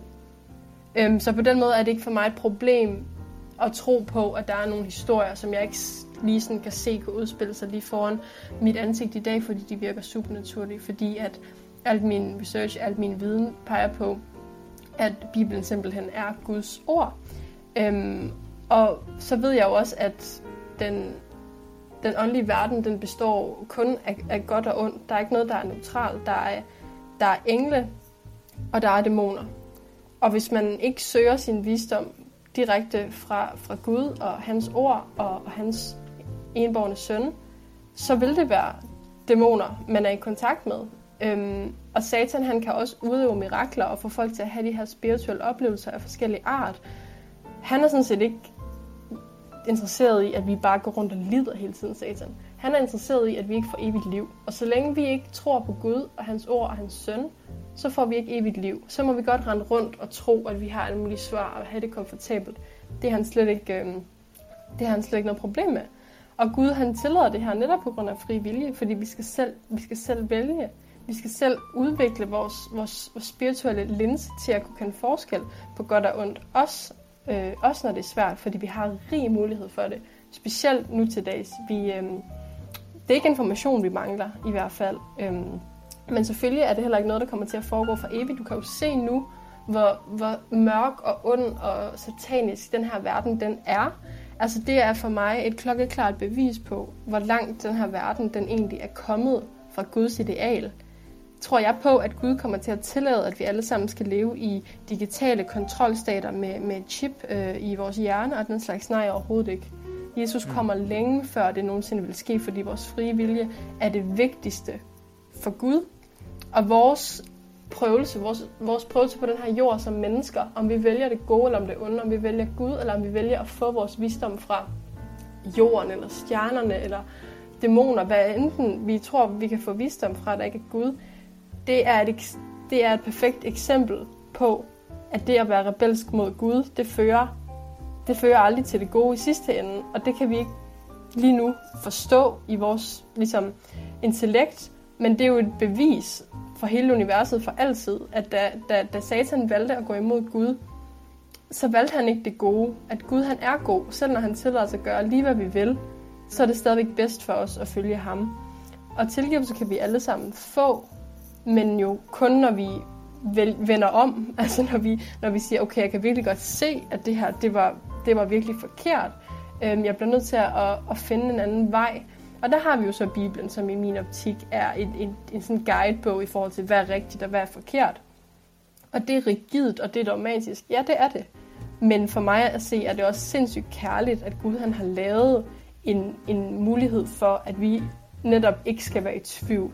Så vi kan vælge lyset til hver eneste, hver eneste gang. Og det sidste, jeg har brug for lige at sige, det er det her med, at der er rigtig mange mennesker, der bliver, bliver mere spirituelle i de her tider, fordi folk kan se fra alle mulige perspektiver, okay, der, er, der sker mange crazy ting. Måske er det en åndelig kamp, vi står midt i. Og det er jo både godt og ondt. Jeg er slet ikke i tvivl om, at Satan vil bruge det her, og at New World Order, som vi nogle gange øh, taler om i de her kredse, mm-hmm. som ligesom er den her ultimative kontrol over menneskeheden, det er ligesom deres mål. Ikke? Jo. Det er jo for, i min optik ikke et digitalt øh, kontrolsystem, hvor vi øh, ikke må gå ud og ikke må køre i benzinbiler først og fremmest. For mig er det først og fremmest noget, noget åndeligt, noget spirituelt, at alle mennesker bliver bedraget til at tilbe Satan i stedet for Gud. Og det kan godt være, at de ikke kommer til at kalde det Satan og satanisme. Det tror jeg faktisk ikke. Men jeg er fuldstændig overbevist om, at den her New World Religion, som måske blander lidt kristendom og lidt øh, spiritualitet, måske lidt islam, jeg ved det ikke, at det bliver det vigtigste for satan at få gennemført i den her New World Order. Og det er også der, hvor at Gud han virkelig kan se, okay, nu har de også så valgt, hvad for en side de vil stå på. Så derfor så, for mig er det det vigtigste, man kan bruge sin tid på i de her tider. Det er virkelig at undersøge, hvad for en spirituel linse er den rigtige? Hvor er sandheden? Hvad er det, som er sandt? Ikke bare det, der behager mig, men det, som virkelig er sandt. Det er den opfordring, som jeg har til alle derude lige nu, fordi du finder ikke svarene inde i dig selv, øh, men der er svar. Jeg er jo så helt modsat. Jeg synes jo netop, man finder svarene inde i sig selv ved at kigge på de ting, og så se og mærke efter øh, præcis, hvad det er, at, øh, hvad giver mening for dig, hvad, hvad føles rigtigt. Og nu taler vi om, at før man er i stand til det her, skal man kunne sætte sit ego væk. Og egoet sammenligner jeg med satan. Egoet, det er, når vi hele tiden har styret det. Altså egoet er fantastisk, fordi når vi skulle løbe for en tiger, så kunne vi det, og så kunne vi løbe hurtigere end den næste. Men egoet gør måske også det, at man skubber den anden foran tigeren, så, man, så den person kan blive spist, så man kan løbe fra tigeren. Så, så på mange måder, så, så oplever jeg netop, at folk har i al den her spirituelle opvågning, og når folk prøver at gå til yoga og prøver alt muligt andet, så prøver de vildt gå til yoga, kun alle poses, og hvem kan stå der længst tid, og så kører deres ego og bare på fuld drøn bare i, i yoga. Så prøver de så at købe krystaller, så handler det om at få de flotteste krystaller og rense dem hele tiden, og sidde foran dem hele tiden og alt muligt andet. Så bliver det mere en hobby, end det er noget, der bidrager til noget.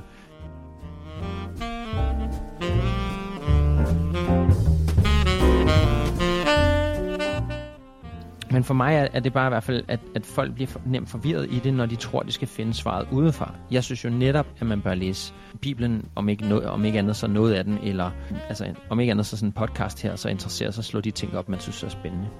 Og så kan man så sige, skabelsesberetningen i den, øh, ligesom Big Bang og sådan nogle ting. Nu sad jeg lige og slog op her for, hvor du sagde noget, hvor jeg tænkte sådan, at du siger, at jeg tror, vi var uenige omkring, hvornår den ældste mennesker, det vi, altså hvad vi har ved, er sådan lineage af vores Homo sapiens, øh, som den, den race mennesker, vi er lige nu, den skulle være omkring 200.000 år gammel. Man ved, at man har fundet nogle, nogle knogler fra Etiopien, som skulle gå helt tilbage til 233.000 år siden. Men leder man efter den ældste skelet, man nogensinde har fundet, Lucy, så er hun fra øh, 3,2 millioner år siden. Og, og det er altså en fossil af et skelet. Jeg tror på, at den her verden er langt ældre, end vi, end vi ved.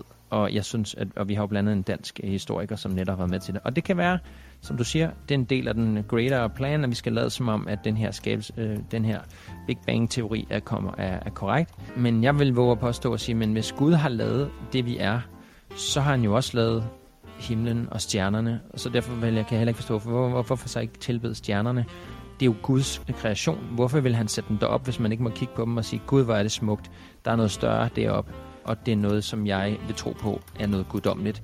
At man så kaldte stjernerne for Gud, og fuldstændig gjorde og levede, som vi Bibelen sagde, du skulle, uden at man var bevidst om, at man nogensinde havde læst Bibelen, men man endte bare med at leve sådan, fordi man var sig selv allermest tro, og man kunne mærke, at der var noget sandhed i det.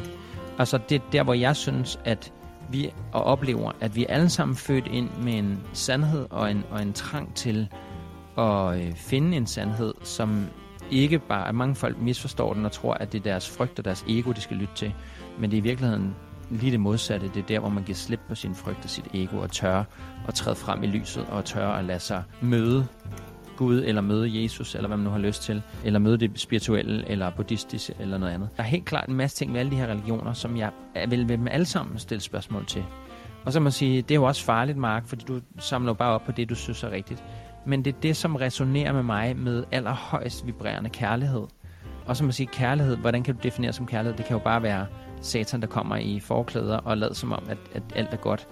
Det er rigtigt, men når jeg kan se, at alt det, de frø, jeg sår, bliver til smukke planter, som kan fodre andre folk og gøre dem glade. Hvis jeg kan se, at det vand, jeg vander med, øh, gør en effekt på menneskeheden på en positiv måde. Hvis jeg kan se og mærke, at der er en, en positiv udvikling, blandt andet med sådan en her podcast, som jeg, man jo aldrig kan vide, om folk kan bruge til noget, men jeg er bare glad for at høre, at folk kan det.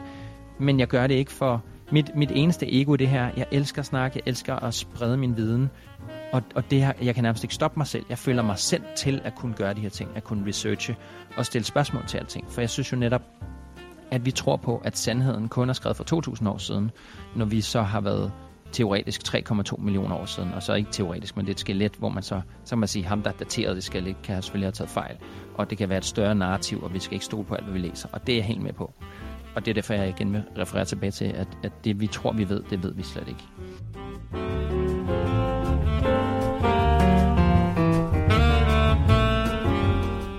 Er der overhovedet plads og rum i Bibelen til, at de har begået fejl med nogle af de ting, de har skrevet? Vil du våge at påstå det, eller vil du sige, nej, nej, det er bare som det er, og det, det er perfekt? Altså, det er skrevet, fordi at Gud er perfekt. Eller hvad, hvad er din, øh, hvad er din sådan, ligesom, ståfod på det? Hvor står du med det? Ja, altså, når jeg tror på, at Bibelen er inspireret af Gud, så er den naturlig konsekvens af det for mig også, at der ikke øh, er menneskelige fejl, der har ligesom snedet sig ind. Altså, du kan jo sætte guddommelig visdom og, og menneskelig visdom op mod hinanden, øh, for mig at se, som, som værende fuldstændige modsætninger. Jeg mener jo, at, at vores syndige natur og vores hjerte og vores følelser øh, nærmest ikke laver andet end, end at bedrage os og, og lede os til at tro, at vi selv er det, er det vigtigste i verden, og vi selv har, har ligesom vores skæbne i, i vores egen hænder, øh, når ultimativt er, er det Gud, der har det. Øh, så, så for mig er, er Bibelen, selvom den er skrevet for mange tusind år siden, øh, ikke på nogen måde en, en, en dårligere kilde, end hvad jeg selv ligesom føler inde i mig. Jeg har, jeg er også blevet triggeret på ting, jeg har læst i Bibelen, for eksempel i starten, øhm, hvor jeg senere hen har begyndt at få en forståelse for, hvorfor det så, hvorfor det så står der. Det handler igen om, om, om bare sådan ydmyge sig over for den, den guddommelige autoritet. Og så synes jeg, det er interessant det her med, at når du googler, hvor lang tid vi har været her, og de her fossiler og sådan noget, at der står sådan nogle, nogle vilde tal med, hvor længe vi har været her, fordi det er jo det, som det, altså the scientific community The Science God fortæller os, ikke? Øhm, mm. Og det ved jeg godt, du også er kritisk overfor på, på mange sikkert, punkter. altså.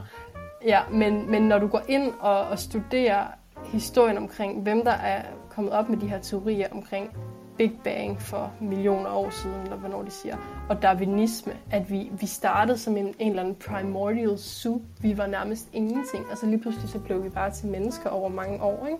Og det her med, at solsystemet er et system, hvor solen er i centrum, og så drejer jorden ligesom bare rundt om solen sammen med en masse andre planeter. Det er for mig en idé, en, en, en fortælling om, at vi som mennesker er ligegyldige. At vi ikke har noget formål. At vi ikke er skabt af Gud med et klart formål. Vi er så unikke. Vi har alle sammen muligheden for at bevise, hvor god vores skaber er. Og at vi kan overvinde det her syndige kød. Og det er sjovt nok også øhm, en masse jesuitpræster i 15, 16, 1700-tallet, der har, øhm, der har introduceret de her teorier, som, som hele den videnskabelige verden nu, nu øh, går, altså, går ind for. Så for mig er det bare endnu mere bevis på, at de her mennesker, der er i kontrol, de har virkelig gjort alt for at lede folk væk fra en forståelse af, hvem vi egentlig er, og hvem der egentlig har, har skabt os. Og når han nu har skabt os, som jeg jo tror på, så er det jo også helt naturligt at, at ligesom tilbede, tilbede ham, og ikke det, han har skabt. Jeg kunne aldrig finde på at tilbede et menneske, eller et træ, eller, eller nogle stjerner øhm, på den måde. Men selvom vi, nu, fokuserer jeg jo meget det her, på det her med, at vi, vi skal være underdanige over for Gud, og vi, vi er onde, fordi vi er faldet i synd, men det betyder jo ikke, at jeg ikke tror på, at vi også, altså alle mennesker har en samvittighed og har noget godt, de kan vælge at lytte på. Jeg tror, at den moderne verden, som er rundt om os hele tiden nu, den gør det nærmest umuligt for folk at, nærmest, at kun lytte til det gode. Men hvis du, hvis du har en, en, en stamme et eller andet sted ude i en eller anden skov, som aldrig har læst Bibelen, som aldrig har hørt på nogen sådan, hvad kan man sige, teoretiske udlægninger af, hvorfor vi er her, så tror jeg sagtens, at de kan stadigvæk lytte til Guds stemme og få evigt liv. Så på den måde, så anerkender jeg helt klart, at der er noget godt i alle mennesker. Men det er desværre ikke det, som vi har en tilbøjelighed til at, at gå ud fra. Det er et valg, vi alle sammen tager hver eneste dag. Hver eneste dag kommer vi enten tættere på Gud, eller, eller længere væk øh, fra Gud. Det er spændende, fordi der er faktisk lige præcis et punkt her. Jeg vil lige sige, i, for, i, i forhold til skabelsesdelen, øh, eller, altså, jeg er jo stadig i den oplevelse af, fordi når jeg er fuldt forsker, og selv jeg er jo enormt interesseret i, i alle de ting, det er jo derfor, jeg researcher hver gang, der er noget, jeg er sådan, øh, kritisk overfor, så vil jeg vide noget mere om det, og så nørder jeg det i månedsvis, nogle gange år, øh, flere år. Når jeg kigger på, hvordan celler fungerer, hvordan de opbygger, hvordan vi består af celler, og hvordan vi også kan se, når folk dør, hvordan nogle celler dør, altså når vores hjerte stopper med banke og sådan noget. Det er først ret magisk at tænke på, at, at vi består af det. Og derfor kan jeg sagtens forstå øh, ideen om, om, at vi kommer fra ingenting, og vi bliver. Men ingenting, synes jeg jo netop er noget. Og det er fordi, jeg, jeg synes ikke, ud fra det du siger, og også ud fra den, som jeg tolker Bibelen, der er det sådan, at man er, hvis man ikke er menneske, så er man ikke har, er samme værdi. Altså, det er sådan igen den her hierarki, som jeg synes jo netop ødelægger vores tilværelse. Er der en politiker, fordi der har en længere uddannelse, er højere placeret end mig, eller en konge er højere placeret end jeg er, eller øh, ham den fattige på gaden er lavere placeret end jeg er. Der synes jeg jo netop, at vi alle sammen er lige, men det er folks egne egoer, der styrer hele tiden, hvor de synes, det skal være. Og jeg synes, i Bibelen desværre også ud fra det, du siger, bliver måske bare bekræftet i, i det. Det er ikke sikkert, du mente på den måde, men jeg bliver bekræftet i, at der hele tiden er sådan en, hvis vi kommer fra ingenting, så er vi ikke noget værd. Jeg synes jo, ingenting er det mest fantastiske. Tænk, at jeg har været med til at være ingenting engang. Og så jeg er et støvkorn af det. Men jeg, jeg betyder noget for den her verden. Og de her celler, som jeg ser, formerer sig gang på gang. Blandt andet de samme celler, der kan skabe cancer, de samme celler, der kan hele ens krop, de samme celler, som kan omformatere din mad til at være øh, energi i din krop. Altså, jeg synes jo, det er fantastisk, og det er også derfor, jeg mener, for 2000 år siden havde man ingen indsigt i, hvordan et menneske fungerer, hvordan blodet løber rundt, hvor hjertet sidder og alt sådan nogle ting. Og hvis man havde, har man ikke været særlig god til at skrive det ned. Selvfølgelig har der været, sikkert været ting fra den gang. Men der er altså bare... Øh, for mig er jeg sådan overbevist om, hvis jeg kigger på vores celleplan og vores atomer, vores elektroner, den energi, der opstår, og den magnetisme, der opstår, så giver det fuldstændig mening, hvorfor der så også vil være nogle planeter derude, og et solsystem.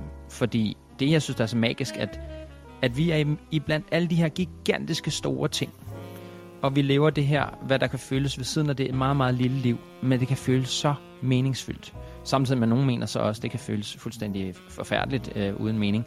Men jeg synes jo netop, at det er så fantastisk, at vi ligger lige præcis i et solsystem, der er så perfekt arrangeret, at vi er den eneste planet i nærheden, der har liv. Altså hvad vi ved af, og hvad vi igen, den forskning vi, vi ved. Så kan jeg blive med at sige, at vi ved, for vi, hvad ved vi egentlig? Fordi hvad er det, vi stoler på, der har fundet ud af de her ting? Og det er der, Amalie jeg er helt sikkert er enig. at man kan ikke altid stole på, hvor det kommer fra. Der er i hvert fald nogle ting i det, som jeg, jeg i hvert fald godt kan se giver mening. Men jeg kan sagtens forene det med, at Gud sagtens øh, findes os, og jeg kan sagtens forene det med, at øh, Jesus gik på vores jord, og han var bare en, et, hvad jeg vil kalde et genfødt menneske, en gammel sjæl, som havde, og så kan han også være søn af Gud, det, det kan jeg godt gå med til os, men det han er det, jeg vil kalde et stjernebarn. Og jeg vil da gå så vidt at sige, måske fordi vi, vi har kun skrevet ting ned for de sidste 2000 år. Måske har Jesus allerede været her igen mange gange, og det er derfor Bibelen går igen, for vi ved, det er den samme historie, der gentager sig gang på gang. Vi dykker alle sammen som mennesker ned i syndens hul, og øh, ødelægger verden, tror lige på satanismen, og gør alle de ting helt ubevidste eller bevidste. Og så på et eller andet tidspunkt, så kommer Jesus tilbage og siger, hey folkens, nu tager jeg lige sammen igen. Jeg fandtes faktisk, og derfor skal Bibelen genopfriskes og skrives sådan, så I forstår det, og de fremtidige mennesker forstår det. Det vil jeg måske synes var en... Altså, fordi vi ved kun lige nu, at det er 2000 år siden, at han var her.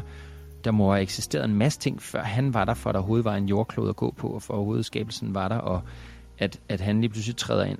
Vi er jo faktisk bare begyndt at tælle, siden han blev født, ikke? hvilket jo også er helt misvisende, og på den måde også ulogisk i forhold til, hvis vi ved, at man den gang begyndte at tælle, så må der have været et behov for at tælle inden det også. Ellers skulle man jo ikke tælle, hvor mange dyr man skulle slagte eller øh, jagte, eller hvor mange mænd, der skulle med hjem hos en kvinde. Fordi hvis man kigger lidt i historien, så ser det ud som om, at, at kvinder var faktisk dem, der havde flere mænd. Men det er så en anden snak, som jeg gerne vil tale om en anden dag. Men inden jeg lige slutter min rant på det, Amalie, så har jeg faktisk noget med, jeg ved ikke, om du kender ham, stand-up-komikeren, der hedder Ricky Gervais. Jo. Har du hørt om ham? Ja. Han, han blev faktisk interviewet på et tidspunkt af en, der hedder Stephen Colbert. Øhm, som, Ham kender jeg også godt.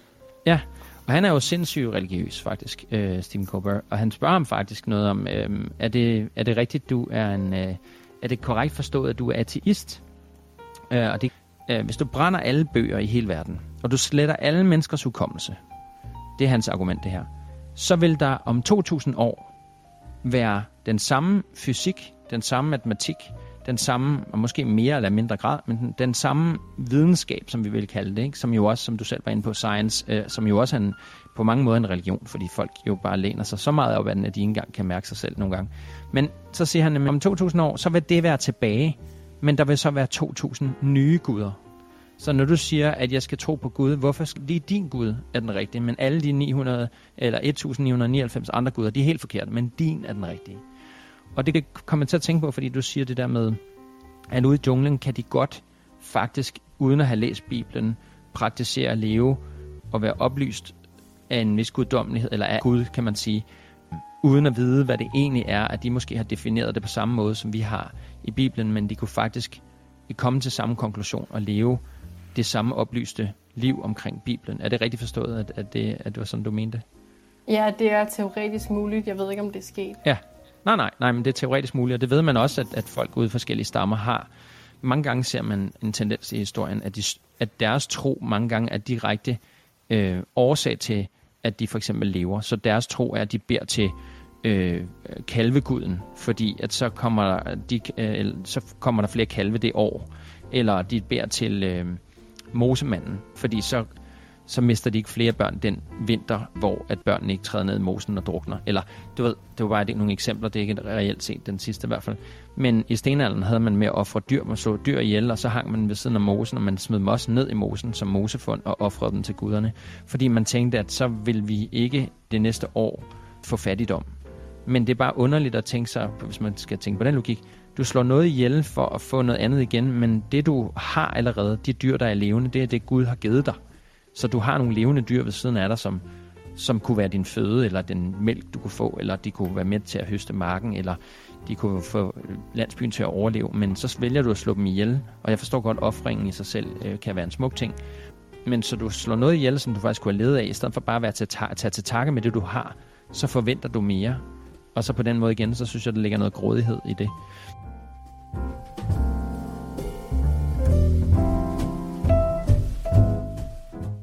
Men for at gå tilbage til det der med uh, Ricky Gervais, hvad, hvad har du, jeg ved ikke, om du har set det klip der, men om du kender til det, at han siger det der med, at om 2000 år, så er der bare 2000 nye guder, hvis vi slettede folks hukommelse. Vil du, vil du tænke, at Bibelen vil komme helt tilbage i sin samme form? Altså, det er et godt spørgsmål, fordi det er jo, det er jo meget hypotetisk. Jeg ser ikke det som et scenarie, som nogensinde kunne udspille sig. Men jeg, jeg er enig med dig i, at mennesker har en, en tendens til at, at tilbede noget. Om det så er noget, de op, selv opfinder, eller noget, de føler, de har beviser på, det, det kan man jo diskutere. Men grund til, at, at mennesker de jo så tilbyder den sande Gud og Bibelen, den her, de her ting, det er fordi, at Gud har åbenbaret sig over for nogle mennesker, og så skabt en fortælling, der så kan gå videre i generationerne. Øhm, så ja, der vil jo altid blive fabrikeret nogle forskellige historier, men jeg, det ændrer jo stadigvæk ikke mit syn på, at der stadigvæk kun er én sand historie, og den ønsker Gud, at vi alle sammen kender, fordi i sidste ende, så kan der jo kun være én sandhed. Alle de her forskellige guder kan jo ikke, øhm, kan jo ikke alle sammen eksistere, i hvert fald ikke øh, i min optik. Sponsoreret af macgeni.dk Din Mac og PC-ekspert. Din tillid til regeringen og pressen og sådan nogle ting, hvordan, hvordan, øh, hvordan er den? Jeg ved for eksempel, at min er meget lav. Ja, ja 0, 0 ud af 10, hvis man kan sige Ja, sådan. ja, Altså, det er meget godt til. altså, jeg Ja, kommer, er aldrig, jo- jeg kommer aldrig til at stole på, på, på autoriteter igen. Hverken øh, inden for kirker, eller stat, eller medier, eller noget som helst. Nej. Det, øh, det tror jeg ikke, der er nogen, der får noget godt ud af. Og du var også lidt inde på det der før, det der er interessant lige nu, der foregår i verden, hvis man følger med på sociale medier og alle mulige andre steder, end hvad det du bare ser i pressen. Jeg vil faktisk altid opfordre folk til at stoppe med at læse nyhederne, men prøv at få de nyheder på en anden måde, eller så prøv at leve uden i et stykke tid for at finde ud af, hvor fantastisk dejligt det er for ens nervesystem. Men jeg vil så sige, der er mange forudsigelser fra Bibelen, og som øh, jeg ved ikke, om man kan kalde forudsigelser, men at der er en, en advarsel om, at der, du nævnte, nævnte det lidt tidligere, at der vil ske nogle ting, så kommer man til at tænke på det der med forudsigelser og sådan noget. The Mark of the Beast, som der blandt andet står i, i Bibelen. Det er jo sådan meget den samme, ligesom du sagde, medicinalindustrien, hvor du sagde øh, pharma, ikke? Hvad var det, du snakkede noget om, at der var ordet betød noget andet på latin?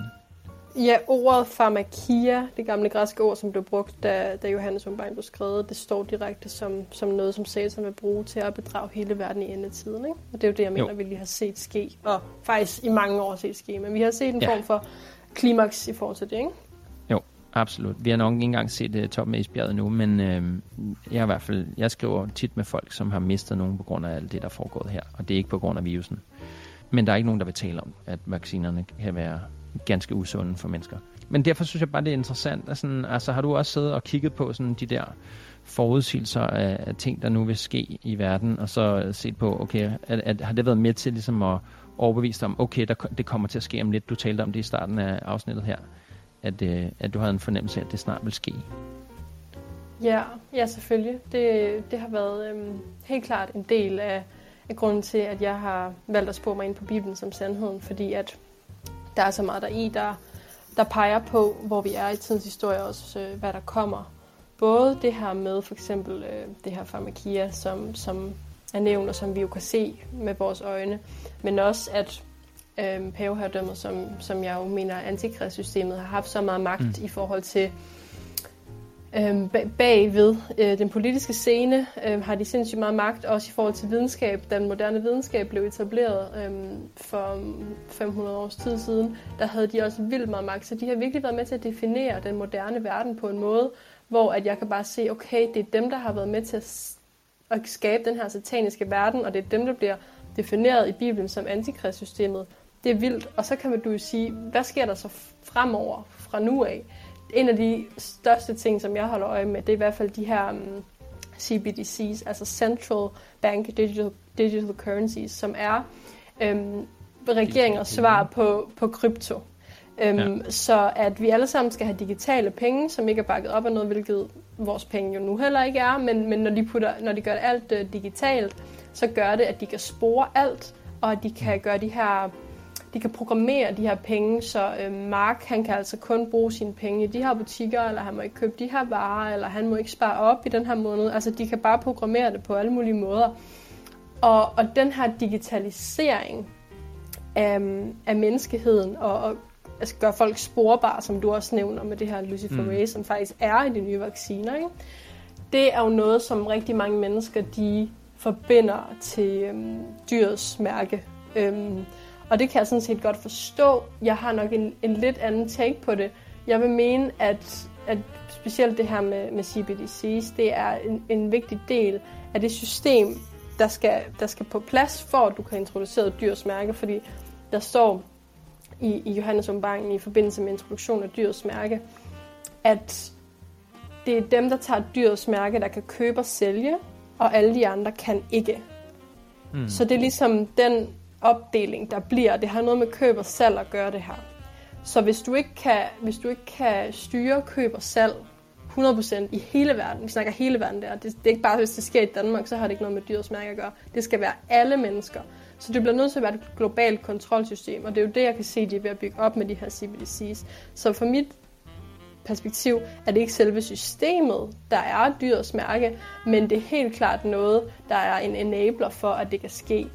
Øhm, jeg er overbevist om, at dyrets mærke det kommer til at være forbundet med den her verdensreligion, som jeg også er inde på, som vi jo ikke nødvendigvis ser lige nu, fordi at, at det, de er jo ikke religiøse, de, de verdensledere er i hvert fald ikke sådan meget udad til. Øhm, men det mener jeg kommer til at ændre sig hurtigt i løbet af de næste par år. Og det er simpelthen den nye verdensreligion. Hvis du vælger at følge den, og, og, og helt konkret, hvis du vælger at tilbyde en falsk Gud på en falsk helligdag, som er søndag, så vil du tage dyrets mærke øhm, og, og ligesom mm. blive, blive lukket ind, i, eller ikke blive lukket ind, men bare blive ved med at være en del af det her digitale system. Og hvis ikke, så er der nogen, der trykker delete på dig, og så er du ligesom ude. Ikke? Så, så derfor mener jeg også, at det vi har været igennem de sidste par år med, at virkelig skulle vælge, vil vi, er vores trang til at gå på café, øh, og være velanset på arbejdet, er den så stor, øh, at vi vil gå på kompromis med, hvad vi ved, der er sandt og falsk? Mm, Nej, det, for mange af os heldigvis. Nej, så vi har bevist, ja. at vi kan vælge verden fra. Vi kan være stålfaste og vælge det rigtige. Og det er en sindssygt vigtig test. Og jeg mener, hvis du har fejlet den test, så bliver det så bliver det virkelig svært for dig at, at bestå den næste. Altså Gud har været ja. noget på den måde at vise os, at det er det her, der kommer. Du skal vælge verden fra. Ja. Den her verden vil der ikke noget godt. Nej, og, og jeg er enig på mange af dine øh, pointer. Altså, jeg ser tingene sådan øh, lidt mere øh, scientific, eller man skal sige på, på noget af det. Jeg vil også sige, at, at har man fejlet den her test, så bliver det rigtig svært at være vågen for, hvad der ellers sker, og hvad der ellers kommer til at ske. Men det er ikke for at dømme de folk, der så har gjort det. Man kan jo stadig få en opvågning efter, som jeg sagde, man kan lære sine fejl. Men ja. hvis man ikke tør tage... Altså, jeg har folk, der har sagt til mig sådan, ej, men hvorfor skulle jeg ikke tage... Altså, jeg tog bare vaccinen, for at jeg kunne beholde mit arbejde, fordi ellers så vil jeg jo bare stå uden arbejde, og så kan jeg jo ikke tjene penge hjem. Så det forstår jeg godt. Det er bare baseret enormt meget på frygt. Så kan jeg ikke tjene penge. Og lige nu, altså hvis du ikke vil gå på dit arbejde, så skal de jo sådan ligesom fyre dig. Så der er altså nogle penge, der er en forberedelse, der er alt muligt andet. Vi snakker altså om dit liv her. Og plus du lever en, i, i hvert fald en dansk, i Danmark lever du en, en dansk stat, hvor at folk, der ikke kan tjene deres egen penge, de bliver endda også støttet. Og ja, det er måske heller ikke så godt, fordi så er du afhængig af staten, og så har de endnu mere magt over dig øh, i sidste ende. Men det kan man jo altid fravælge sig igen. Men det der med, at folk forstår ikke, hvor meget os, der har valgt ikke at få stikket, har offret for at kunne være en del af et samfund, for at kunne være en del af en familie. Mange, mange af os kan, altså, jeg, der er mange i min familie, der synes, jeg er den største idiot. Men det er ikke noget, som de noget, står og siger som et ansigt, men det er der også nogle af dem, der har gjort. Jeg har læger i min familie, som har udskammet mig for at i hovedet at tale, i talsætte de her ting, og hovedet, og så jeg fik at vide, at jeg skulle ikke kloge mig på det. Men jeg har siden da undersøgt, hvad, hvad det egentlig vil sige at kloge sig på det. Altså en læge for eksempel i sit lægestudie bruger, det er der ikke så mange mennesker, der ved, men hvor mange timer, Amalie, skulle du gætte på, at en læge øh, studerer vacciner? Det ved jeg ikke. Tre, måske. Okay, tre dage. Det er meget godt bud, men det er øh, sådan, som jeg kan læse mig frem til, så er der omkring øh, to timer til en dag. Det er så længe, at man beskæftiger sig med vacciner, altså ifølge lægestudiet standard statistisk set. Jeg har læst om vaccineteknologi og bivirkninger, alle sådan nogle ting, hvad de virker, hvordan, altså selvfølgelig lærer lærer også en masse ting om immunforsvaret og alt muligt andet. Men øh, det har jeg læst på nu i to og et halvt år, så jeg, jeg, jeg må påstå, at jeg i hvert fald godt kan udtale mig noget om det fordi jeg har læst det i samme bøger, som de læser fra deres studie. Jeg har hørt på, de, på eksperter, der har tur tale om det længere tid, end det almindelige lægestudie. Og, og selvfølgelig skal man ikke bare sige, så ved jeg alt, og så er jeg skide klog på det. Men jeg føler mig i hvert fald mere klog på nogle ting end, end andre. Og så er der nogle folk, der siger, ja, men du er bare almindelig menneske, der ikke har taget en lang uddannelse. Men hvad er en uddannelse? Det er jo bare dig, der sidder og læser og lærer en masse ting ved at læse, høre og se på ting og det har jeg også gjort nu i øh, to og et halvt år, i hvert fald omkring på det her emne, men jeg har jo også inden det, for grund af at jeg har vaccineskade fra, en, fra influenza-vaccinen, så har jeg jo også undersøgt det længe inden det, og været igennem et langt, langt forløb af smerte og frustration og allergier og hvad ved jeg af bivirkninger, som, som ingen læger har fortalt mig om. Og det er de samme læger med den samme slange, der slynger sig, som var det, øh, du selv siger, øh, satan i Edens have, der, der lukker mig til at tage noget medicin, fordi så skal det hjælpe mig. Og det sjove er, at den eneste, den ting, de så vil behandle andre folk, der har taget den her eksperimentelle medicin, den måde, de vil behandle på, det er at give dem anden ny eksperimentel medicin. Og det er slet ikke, fordi jeg ikke synes, at medicin er godt. Der er en masse gode ting ved medicin. Altså, øh, penicillin er jo fantastisk.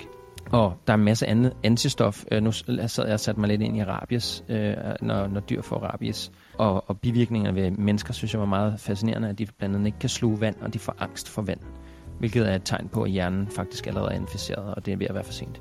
Men så sådan nogle ting der, det, det er, altså, der er mange ting i det, som, som man ligesom kan øh, se, der foregår noget helt skørt i verden. Og det er jo også derfor, jeg synes jo, at det er så genialt og fantastisk, at for eksempel du har fået en opvågning af alt det her. Og måske coronatiden har hjulpet dig. Er, er, det, er det noget, som man kan sige, den har gjort? Altså har det fået dig til at se tingene endnu klarere på den måde, du ser det? Ja, det vil jeg sige helt klart. Altså, jeg har undersøgt øhm, magtstrukturer i verden og den slags øhm, tidligere, men har nok pauset det lidt igen, fordi jeg synes ikke, det var sådan særlig praktisk brugbart i mit liv. Jeg havde ikke lyst til at gå og tænke på negative ting, men pludselig, når det er lige ude foran en dør, så, øhm, så skal man være lidt mere en kujon, end jeg var til at til at ignorere det, ikke? så bliver man ligesom nødt mm. til at se sandheden i øjnene, medmindre man har lyst til at lyve over for sig selv, men, men folk de lyver over for sig selv på mange måder. Altså, hele det her med uddannelsessystemet er jo bare et eksempel på, at ligesom man underligger sig en menneskelig autoritet, at okay, der er nogle mennesker, der har besluttet, at jeg skal læse det her, og derfor, derfor må det være sandt. Ikke? Og det er jo en, en proces, der er mange, der har været igennem at finde ud af, at næsten alt, hvad vi er blevet fortalt, det er faktisk ikke sandt. Øhm, og det kan jeg også godt forstå, det er sindssygt hårdt for folk, fordi at øh, man har brug for en form for komfort, tror jeg, som menneske. Men øhm, desværre så er komfort bare ofte en fjende af, af sandheden. Øhm, så jeg håber virkelig, at, øh, at der er flere mennesker, som indser, at den her verden, den kan ikke give den den komfort, den søger. Den her verden er ikke interesseret i at give den komfort i sidste ende. Øhm, den er kun interesseret i at, at faktisk kontrollere dem og få dem ud helt på et sidespor, hvor de både mentalt, spirituelt, fysisk, er meget langt fra, hvor, at, øh, hvor det er godt at være. Der er meget enig i, altså det er lige for mig, nemlig jeg skal sige, at djævlen gemmer så mange gange i, i komforten. Altså, jeg ser det også for folk, der har en, øh, deres personlige udvikling går i stå. Det er, når det er, at de bare finder komfort i stedet for. Det er en god pause at have en gang, men man finder noget komfort et sted at være. For eksempel også, at du måske har fundet noget komfort i, i Bibelen. Men hvis man bliver med at blive et sted, hvor man ikke vil ændre sig, og man ikke vil ændre tingene og sådan noget, så ender man jo faktisk i en komfort, som kan være det, der stopper hele ens proces.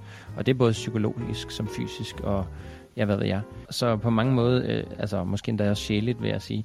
Ligesom du siger, Gud kalder på os, så synes jeg jo altså ligesom også, at det er, at, at det der med at kunne lytte til det, gør, at man bliver nødt til at kunne være i en, en eller anden bevægelse. Og at forstå, at, altså, at vi bliver let af Gud, eller at din definition er så Gud, ikke? men, men nu, nu, jeg bruger selv ordet Gud meget, men for mig er definitionen af Gud ikke så fast, som din er. Men, og det er også derfor, det er vigtigt, at, at folk, der lytter på den podcast, der tror også, de har forstået, at vi er ikke nødvendigvis enige om alle tingene, men jeg har jo hele tiden prøvet at forstå, hvor du er, for at se, hvordan jeg kan forene den her opvågning, du har været igennem med min opvågning, som har været livslang. Altså, som, øh, jeg, jeg har faktisk haft mange opvågninger i løbet af mit liv, og det har altid endt lidt i det samme. Men jeg har også fornægtet den side af mig nogle gange og sagt, nej, jeg, kan, jeg tør ikke lytte til det her, for hvad hvis jeg er forkert? Og jeg har altid kommet til at gøre det, når alle andre synes, jeg var forkert. Men i virkeligheden var det der, der var en største invitation til faktisk at sige, Jeg er ligeglad med, hvad andre folk siger. Ikke fordi jeg ikke er, ikke er glad for dem, men de må synes og sige det, de har lyst til. Og jeg vil gerne lytte på det, og det er også den måde, jeg lytter på dig.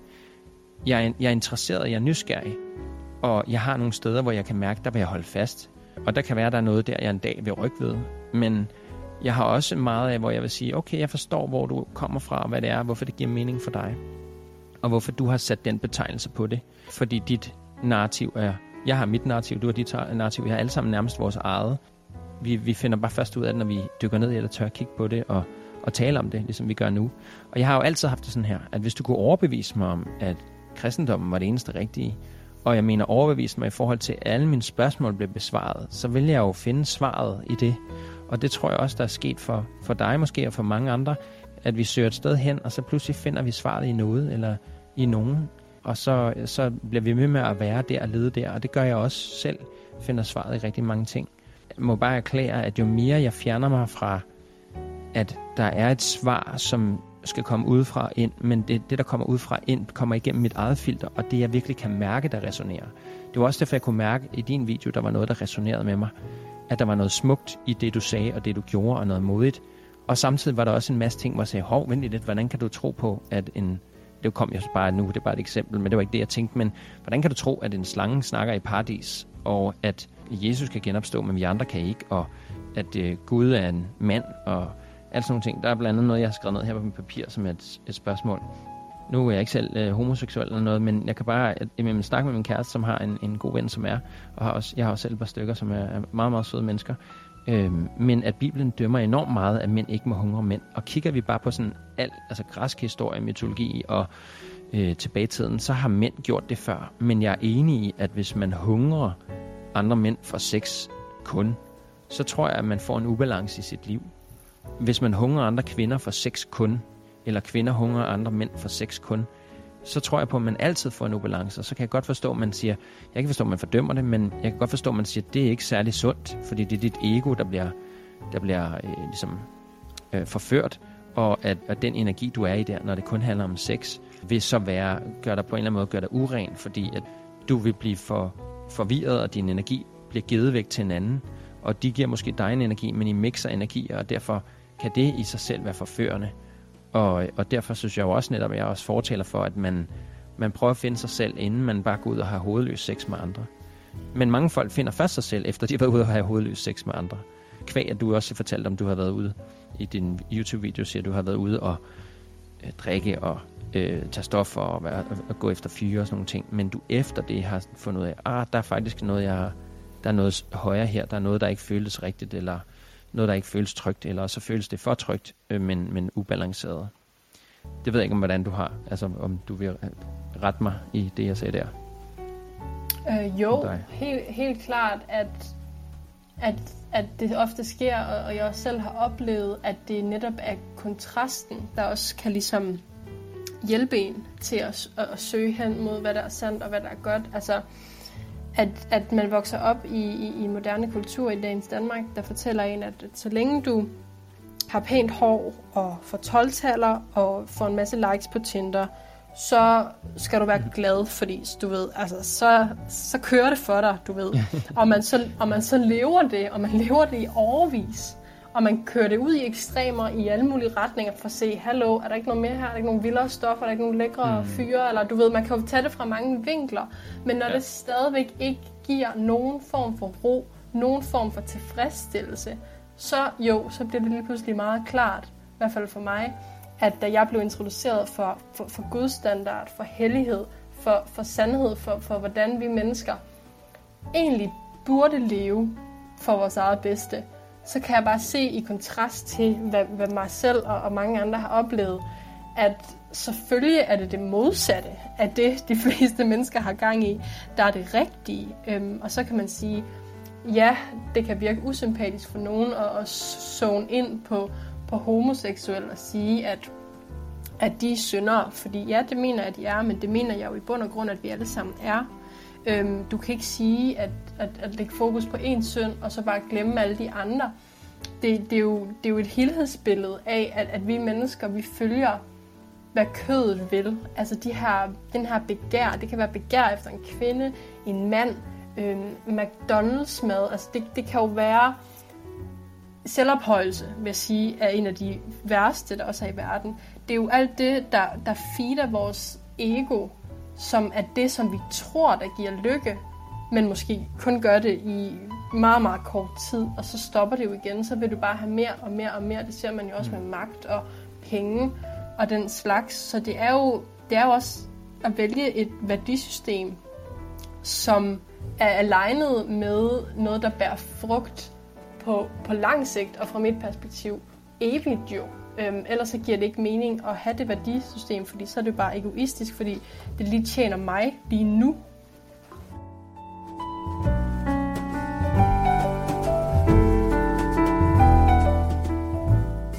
jeg føler også, at folk virkelig misleder sig selv ved at gøre mange af de ting her, som du netop også nævner. Altså at blive, at blive ledt ind i en fristelse, og, og Bibelen er jo fantastisk til at sætte ord på, hvilke synder der faktisk findes, som, findes, som man ligesom kan det er ligesom mere grupperet og mere organiseret til, at man forstår, hvilke typer synder der er. Problemet er bare, at folk nogle gange følger det, synes jeg, ud fra sådan slavisk ting, jamen, så må jeg godt gøre, altså de finder veje udenom, ikke? Ligesom, jamen, øh, skat, jeg vil, hvis man får ved sin mor, skat, du må ikke, øh, du må ikke gå ud i byen med dine venner, når det er aften. Okay, siger man så bare, og så i stedet for at man går ud i byen, så inviterer man bare alle vennerne hjem i kælderen, mens forældrene sover, og så holder man en minifest dernede, eller øh, bunkepul, eller hvad det ellers skal hende ud i sådan noget. Så, så det er jo sådan en, altså, så finder man bare en anden vej. Jeg ved det, jeg har selv gået på kostskole en gang, og hver gang jeg fik at vide, at I ikke måtte noget, og jeg, jeg sagde faktisk i min sidste podcast, at du må ikke tænke på en giraf. Det er allerede for sent, for jeg har lige fået dig til at tænke på en giraf, for at du kan definere, hvad du ikke må. Men mange menneskers sind er sådan, hvis de ikke må det, så vil de det og så bliver det faktisk nærmest bare endnu værre. Altså, så det er også en slags manipulation, at man ikke må en masse ting. Det kunne man også tale om, at, at lov mange gange i talesætter. Men vi ved, at vores lovsystem faktisk er baseret på King James Bibelen. Så der er en masse gode ting ved lov også, altså at man prøver at ensrette folk i en eller anden, på en eller anden måde, så vi kan leve i et trygt samfund, hvor man ikke øh, slår hinanden ihjel eller stjæler hinandens koner og sådan noget. Så, så der er noget rent lovmæssigt øh, øh en masse ting, der er baseret på det. Og, øh, og jeg vil også sige, at, øh, at vi har heller aldrig, nu snakker du før om, at alt det, der sker i verden, og det er forfærdeligt, og øh, jeg er meget enig med det, der foregår i verden lige nu, og at der foregår helt klart også et, et, et stort problem i, at at vi bliver misledt og lokket til en masse ting. Ikke? Hey, vil du ikke have den her cheeseburger? Du skal bare lige have den her vaccine. Vil du ikke lige uh, have et gratis medlemskab til det her fitnesssted? Du skal bare lige have en vaccine. Selv præsterne og nutidens kirker var sådan noget, men du kan ikke komme ind i og bede til Gud, hvis ikke du har fået din vaccine. Hvor det bare sådan, vent lidt, Gud elsker alle sine børn. Og hvis I har læst den her, som du netop også selv i talsætter, øh, de her, der taler om, hvornår Jesus skal genopstå osv., jamen, så er det jo netop snak om, at det, der sker lige nu, som du lidt, vi netop har talt om, at at medicinen og al den her, altså vi bliver misledt af den, som om, at man ikke må komme ind og være sammen med Gud i en kirke. Det er jo også en, og det er jo også en del af det, der får mig til at være sådan, vældig lidt, de her kirker, de er så indoktrineret korrupte, at de kan finde på at være sådan noget. Jeg mistede så meget mere fra den danske folkekirke, da det her begyndte at ske. At folk ikke må komme ind, som de var så må det jo være dem, der er bange. Dem, der har fået vaccinen, må jo bare føle sig trygge, fordi de har jo fået vaccinen, og hvis den var så skide effektiv, så kunne de jo ikke blive syge alligevel, hvilket vi jo hele tiden har vidst fra Pfizers hjemmeside. Det har ikke været hverken effektive eller beskyttet mod smitte, selvom alle regeringer og politikere har været ude at sige det brøl. Men selvom at, øh, vi, vi kan læse det inde på Pfizers hjemmeside, Moderna og alt muligt andet, det, det kan den ikke. Og alligevel har man sagt til folk, at de ikke må komme ind et sted, uden de har fået den. I stedet for bare at sige, jamen dem, der har lyst til at komme i kirke, kommer bare i kirke og vi håber, at du bliver hjemme, hvis du er syg. Men hvis du netop har lyst til at bede, fordi du er syg, så skal du da komme til Gud. Men skal bare lige huske på, at altså bare fordi der er nogle mennesker, der har bygget en kirke, så er det ikke fordi bare Gud, altså det mener jeg, så er det ikke fordi Gud kun er der. Altså Gud er jo alle steder. Og det er jo derfor, der er nogle folk, der vælger en katolik og laver aldre der, derhjemme, ikke? fordi de jo netop har et sted at bede til. Det ved jeg ikke, hvad, hvad er dit synspunkt på det egentlig? Altså, jeg synes tanken er smuk, med, at man mødes med, med andre troende i en kirke og have fællesskab omkring øh, Gud og hans ord og tjene ham. Det bliver vi mm. kaldet mm. til i Bibelen. Men jeg må også bare sige, at menneskers løgnagtige adfærd og selviskhed og magtbegær har jo ødelagt alt, hvad der hedder altså folkekirke, siger du jo blandt andet. For mig har det jo ikke rigtig noget med kristendom at gøre. Altså, jeg vil sige, alle de kirkesamfund, som jeg kender til, det er jo ikke sindssygt mange, men jeg kender der alligevel, øhm, til et par stykker hister her, der har, det har været, der har været så meget splittelse under øh, coronatiden, fordi at netop de her kirker, de er så afhængige af staten, så de bliver nødt til at gå med på alle de her regler, hvilket jo går fuldstændig imod alt, hvad Gud står for. Du skal tvinge nogen til at tage mm. et eller andet, for at du overhovedet må færdes i en bygning, hvor, hvor det går også imod man tilbeder Gud. Ja, det, det går imod ja. alt jo. Så, så at, at folk kalder sig kristne og går inden for det, det kan jeg ikke forstå. Men der må jeg så bare sige, at folk kalder sig alle mulige ting. Det betyder ikke, at de er det. Øhm, så, så det gør også ondt i mit hjerte, og det er endnu for mig endnu et bevis på, øhm, hvor langt væk vi egentlig er fra Gud. Og, øhm, og det er jo bare sørgeligt. Øhm, og det er også et bevis på, at Gud og Bibelen, det er jo ikke bare en regelsamling, som bor i en kirke, som folk skal følge slavisk, og så bliver det hellige. Gud kigger jo på vores hjerte. Gud ser, om vi gør ting på grund af selviske motiver eller uselviske motiver. Vi bliver ansvarlige, vi er ansvarlige for, hvad vi ved. Det står der også klart i Bibelen. Jo mere lys du har, jo mere ansvar har du. Så jeg er sikker på, at der sidder folk med et rent hjerte, der er blevet bedraget af TV2, fordi de aldrig har hørt andet. Men så snart du har hørt den anden side af sagen og vælger kategorisk at lukke af, så pådrager du dig selv øhm, et ansvar. Øhm, det, det resonerer meget mig, det der. Du siger der med, hvis du har lyset, så har du også et ansvar. Det er helt klart faktisk derfor, jeg laver den her podcast og bruger så meget tid på at være der for andre. Ja, jamen helt enig, fordi at, at folk de kan jo have forskellige øhm, udgangspunkter af forskellige årsager, forskellige interesser, forskellige intellekter, forskellige omstændigheder, og der er alle mulige ting, der gør os forskellige. Men Gud, han dømmer alle efter deres eget hjerte og deres egen rejse, hvordan de har håndteret de situationer, som netop de er blevet stillet over for. Så ja, kristendommen er en masse dogmer og en masse regelsæt og en masse idealer, men det er jo også i sin essens mennesker, der på individuel plan har et forhold til skaberen og et forhold til Jesus, som renser os med hans blod. Hvis du bare går i en kirke og lytter på, hvad, hvad en eller anden mand, klog mand siger, og ikke selv læser i Bibelen og beder til Gud og mærker den her personlige forbindelse, så, så er det ikke noget værd. Altså, det, det er jo i sidste ende ens ånd, der, der sidder inde i en i hjertet, som, øhm, som bestemmer, hvor man er rent spirituelt. Ikke hvad man gør og ikke gør udadtil. Ikke? Mm. Det var meget smukt, det du sagde før, også det der med, at man kan være mange steder i ånden, man kan mærke Gud i ånden, og man ikke nødvendigvis behøver at sidde og være i en, i en kirke, fordi det, det er ikke fordi, altså jeg synes jo bare, at kirker er noget, der er menneskeskabt for at have en samling, og det, det er fantastisk til det, hvis det vel at værke er en god præst, og at jeg synes jo netop, at præster ofte står og læser op for Bibelen, og så tolker de i deres prædiken. Og det synes jeg altid er så interessant. Hvis, hvis det er Guds ord, så vil det jo aldrig have behov for at blive tolket. Så vil det jo resonere i folk dybt inden, og det de skulle høre af de ord. Og nu kan jeg drage paralleller til igen, når jeg siger noget i en klaviance, som, og det er ikke fordi, det har noget, nødvendigvis noget med. Jeg sammenligner mig ikke med, med Gud, så, så flabet jeg ikke. Men at, at jeg kan bare mærke, når noget resonerer i folk, der bliver sagt, og de så selv tolker på det. Det er selvfølgelig altid farligt. Der findes også psykopater i den her verden, der tolker på et eller andet, så kunne det hurtigt gå galt. Men, men på den anden side, så synes jeg også, at, at det er ret fint, at der er noget med, at man kan gå i en kirke et sted, men det er også ret skræmmende, og jeg har været i kirker flere gange, hvor jeg bare tænkt, altså, hvor de for eksempel har haft, øh, jeg nu så jeg i USA, øh, min, min oplevelse var slet ikke så slem, men nu så jeg i USA, at de har sådan noget transdans, så trans, transseksuelle kommer ind og danser i dametøj, og, og prøver at få folk til at synge med i noget gospel, og øh, det, var, det var bare så skræmmende på en eller anden måde, fordi det passer meget ind i den agenda der, som vi snakker om med øh, The Great Reset og New World Order. Jeg synes ikke, der er noget galt med, altså det vil jeg også sige understrege, at der er sådan meget snak om New World Order, som hvis man vil undersøge det, så kan man søge på World Economic Forum, og så læse den bog, Klaus Schwab har skrevet. Han er en kæmpe psykopat, så spørger mig som hedder The Great Reset. Og om ikke andet så læse brudstykker, eller bare høre ham udtale sig. Og høre, at han lyder som den værste uh, James Bond-villain. Uh, øh, ondskaben selv nærmest uh, i sin måde at tale om, om tingene på.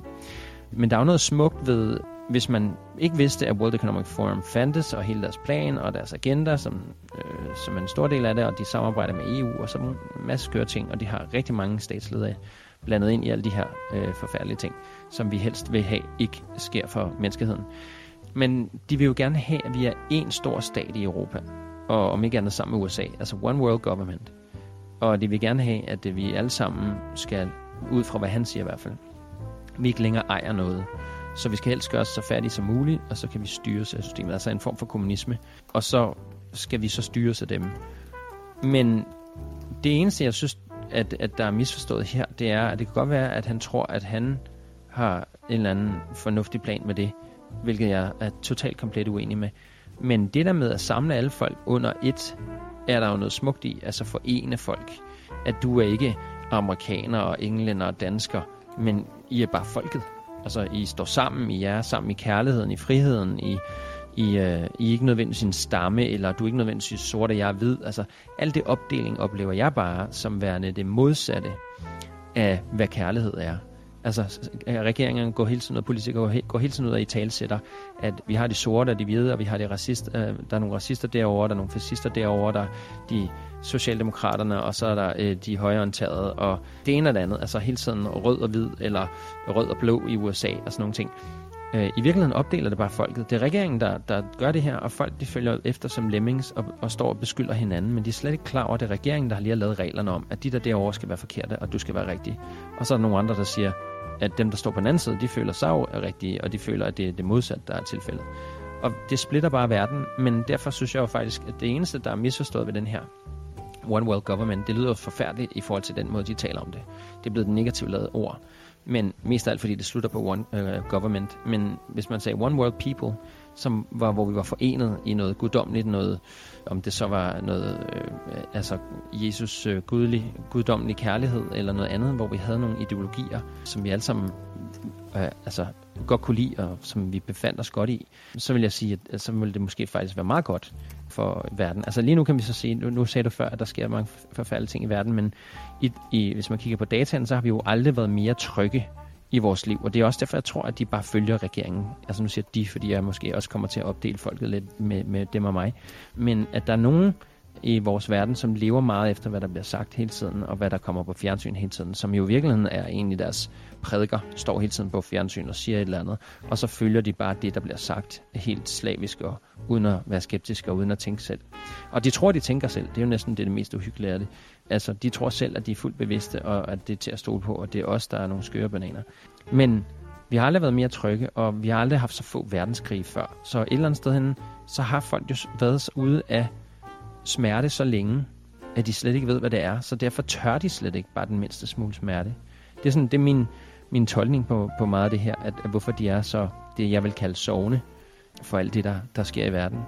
Øh, og det for, leder mig hen til at, ligesom at sige, Amalie, hvad, altså, hvad var den ene, altså skulle, hvis du kan, og nu ved jeg, at du sikkert også har nogle kommentarer til det, jeg lige har sagt, men hvis du kan sige en ting, der virkelig vendte det hele for dig, hvor du bare var sådan, aha, ej hvor vildt, selvfølgelig er det sådan, eller den der, og måske er der nogen derude, der kan nemlig resonere i det, eller også er der, altså, kan, kan man ligesom forstå dig på et endnu dybere niveau, hvis du også kunne dele det.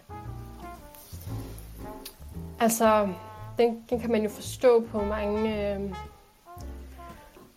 på mange øh, områder. Altså i forhold til, at, at, at ligesom verden er, er ond, og vi ikke kan stå på autoriteterne, der vil jeg sige, der er, der er flere ting, man kan hive fat i. Blandt andet kan jeg huske helt i starten af, af den her pandemi, som de kalder det, så, um, så var der nogen, der havde skrevet ind til Statens Serum Institut, om de kunne bevise, at, um, at om eksistensen på den her coronavirus, kunne de sende ud mm. med dokumentation. Og så svarede de, at det, det havde de ikke. Det var ikke noget, de havde. Okay. Præcis. Punktum. Videre, ikke? Ja. Og det, det blev så bragt op til et øh, pressemøde, øh, hvor at, øh, jeg kan ikke huske, om det var Mette Frederiksen eller nogen andre autoriteter, det var nok Brostrøm, der stod og skulle svare på det. Og de afviste selvfølgelig bare spørgsmålet og sagde, at det var noget skørt noget overhovedet insinuere, at den her virus den ikke findes, og så blev det lukket ned, ikke? og så næste ja. dag, så kunne, de, så kunne man læse i, øh, i nyhederne, at øh, alle medarbejderne på Statens Serum Institut, de havde fået slettet alle deres e-mails, og man skulle ikke forvente noget svar på noget som helst, fordi de har simpelthen bare mistet det hele. Ikke? Så der, der kan jeg huske, at jeg tænkte, okay, det, hvis, det, der er jo ikke altså, mere at, at kigge på end det. Altså, det er jo tydeligvis en løgn, og tydeligvis en cover-up. Og senere hen, i forbindelse med det, har jeg også haft mange aha-oplevelser i forhold til at studere, hvad er, hvad er virus egentlig? Findes det overhovedet? Er det måske bare et kontrolsystem til at, at tro, at uh, alle de her farlige sygdomme flyver rundt i luften, og vi skal hele tiden være bange og tage vacciner osv. Hvorimod at måske er det vores terræn, den krop, vi render rundt med, som vi selv forgifter med alle mulige ting, som nogle gange har brug for at, at detox og komme af med noget af det her. Øhm, så det, ja, det, det er øhm, mærkeligt at, at tænke sig, at folk de har, de tager så meget power væk fra sig selv og tænker, nej nej, det der, jeg kan sagtens bare spise pizza hver dag og ryge smøger og drikke mig stiv hver weekend. Det er ikke derfor, jeg bliver syg. Det er altid et eller andet udfrakommende virus, der selvfølgelig angriber mig. Men virusen kan jo slet ikke leve i et forhold af sundhed. Hvis du er så hammerende sund og balanceret, så kan virus jo ikke engang trives i de forhold, fordi virus har brug for et lavt immunforsvar for overhovedet at kunne komme ind, kan man sige. Nej, hvis, ja, og, og det så, så vil det, hvis man kigger på virus, som, som er den eksistens, som vi sådan ved af, eller man, når man rent faktisk har isoleret en virus, og det var det, du nævnte før, at man har faktisk slet ikke isoleret coronavirusen. Altså det betyder, at man, man kan gå ind og se præcis, hvordan den ser ud. Man har kun været ude og sige, at den eksisterer på en eller anden måde i det her element af det, vi har fundet. Men man har ikke kunnet isolere den i sig selv, så man forestiller, at, at der er en virus inde i en skotøjsæske, men man kan ikke få skotøjsæsken op, derfor begynder man bare at kalde skotøjsæsken for en virus. Men man ved egentlig ikke, hvad der er nede i, og man ved ikke rigtigt, hvordan den ser ud, og hvordan den reagerer. Og det er på en eller anden måde, kan hurtigt lyde som om, at det så bare er et eventyr, de render rundt og en eller anden gyserhistorie, ikke? Ja, lige præcis. Og jeg vil jo faktisk gå så langt at sige, at det er aldrig blevet bevist ordentligt, at præcis. en virus, som de kalder det, øhm, kan dræbe levende celler. Fordi de eksperimenter, de, de, de bruger til at bevise det, de er, de er så fraudulent, som noget kan være. Altså, der er jo uafhængige forskere, der har, der har gentaget det forsøg at bare ændre få variabler og set, hov, det er jo ikke virusen, der dræber de her celler. Det er, det er noget andet, vi har tilføjet i det her eksperiment. Ikke? Så det er simpelthen hele det her videnskabelige paradigme, som jeg også var inde på før, både med, både med, med virus, men også med Big Bang, darwinisme, solsystemet. Det er en af de spirituelle aha-oplevelser, jeg har haft. Det er, okay, alt det her, som vi er blevet fortalt, vi skal tro på. Et, det har ikke noget med Gud at gøre, men to, det har absolut heller ikke noget med, med ateisme og, og at være objektiv og videnskabelig at gøre. Alt det her, det kommer fra, fra, fra, religi- fra et religiøst standpunkt. Det er, det er jesuitpræster, der, har, der er kommet op med det hele, med, også med germ theory.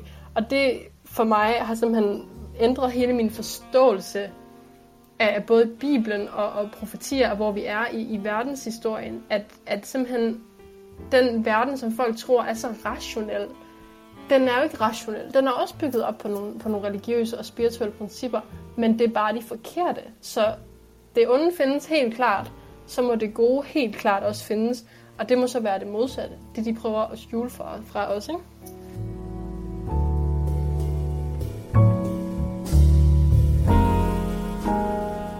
Ja, men det, som du også sagde før, det der blandet med, som, du, som din tolkning er, altså det her spirituelle, at, øh, at der er noget satanistisk i det, og det kommer og, og snyder en, og at, at tingene er pakket ind faktisk. Øh, at det er satanisme, men det er pakket ind i noget andet øh, fint papir, så man stoler på det og tror på det. Øh, sådan så man i virkeligheden øh, render rundt og laver satanistiske handlinger og alt muligt andet. Altså hvis jeg forstod det korrekt i hvert fald. Jeg ved i hvert fald, der er andre i sådan nyfundne kristne, som har den optik også omkring det. Men det eneste, som man må så sige, jamen øh, det tegner også et billede af, at, at der er en masse sandhed derude. Og lad os sige, der er en sandhed om virus, hvor vi ved, hvordan det fungerer. Men den sandhed har de jo så ændret undervejs. Ikke? Her, lige præcis den her virus, de har ikke isoleret den, men alligevel har de sagt, at den findes. Det har man ikke gjort før. Altså, det, det har simpelthen ikke øh, tidligere været noget, hvor man har været ude og sige, så findes den. Det samme galt jo altså alle mulige andre sygdomme, hvor man har sagt, altså ligesom influenza har vi jo også hvert år, hvor at der er tre forskellige vacciner, der bliver givet, og det er Lægemiddelstyrelsen, der sidder i hvert fald i Danmark og beslutter, hvilken vaccine skal vi give som hovedregel i år, fordi så regner vi ved det den variant, der kommer ud.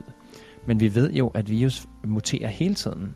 Så at tro, at der er, det er jo derfor, der er tre vacciner, fordi den første stoppede med at virke særlig effektivt, fordi der var en anden mutation, og så, så brugte man en anden. Øh, og sådan, på et eller andet tidspunkt man bare erkende, jamen det virker jo ikke så. Så man sige, jo, der var nogle mennesker, der ikke døde af den. Ja, okay, den måde, man kan se, at vaccinen kunne virke, det er bare jo, at hvis man gav en lille smule af den levende virus, det er i hvert fald den ideologi, vaccinen blev baseret på, så begyndte man at få en inaktiv virus. Altså, man puttede inaktiv virus, som jo så ikke var en virus, der var aktiv, svarende lidt til en, jeg tror ikke, man kan helt kan sammenligne men, men svarende til en død virus. den sprøjter man ind i kroppen, og så er, er mine bivirkninger.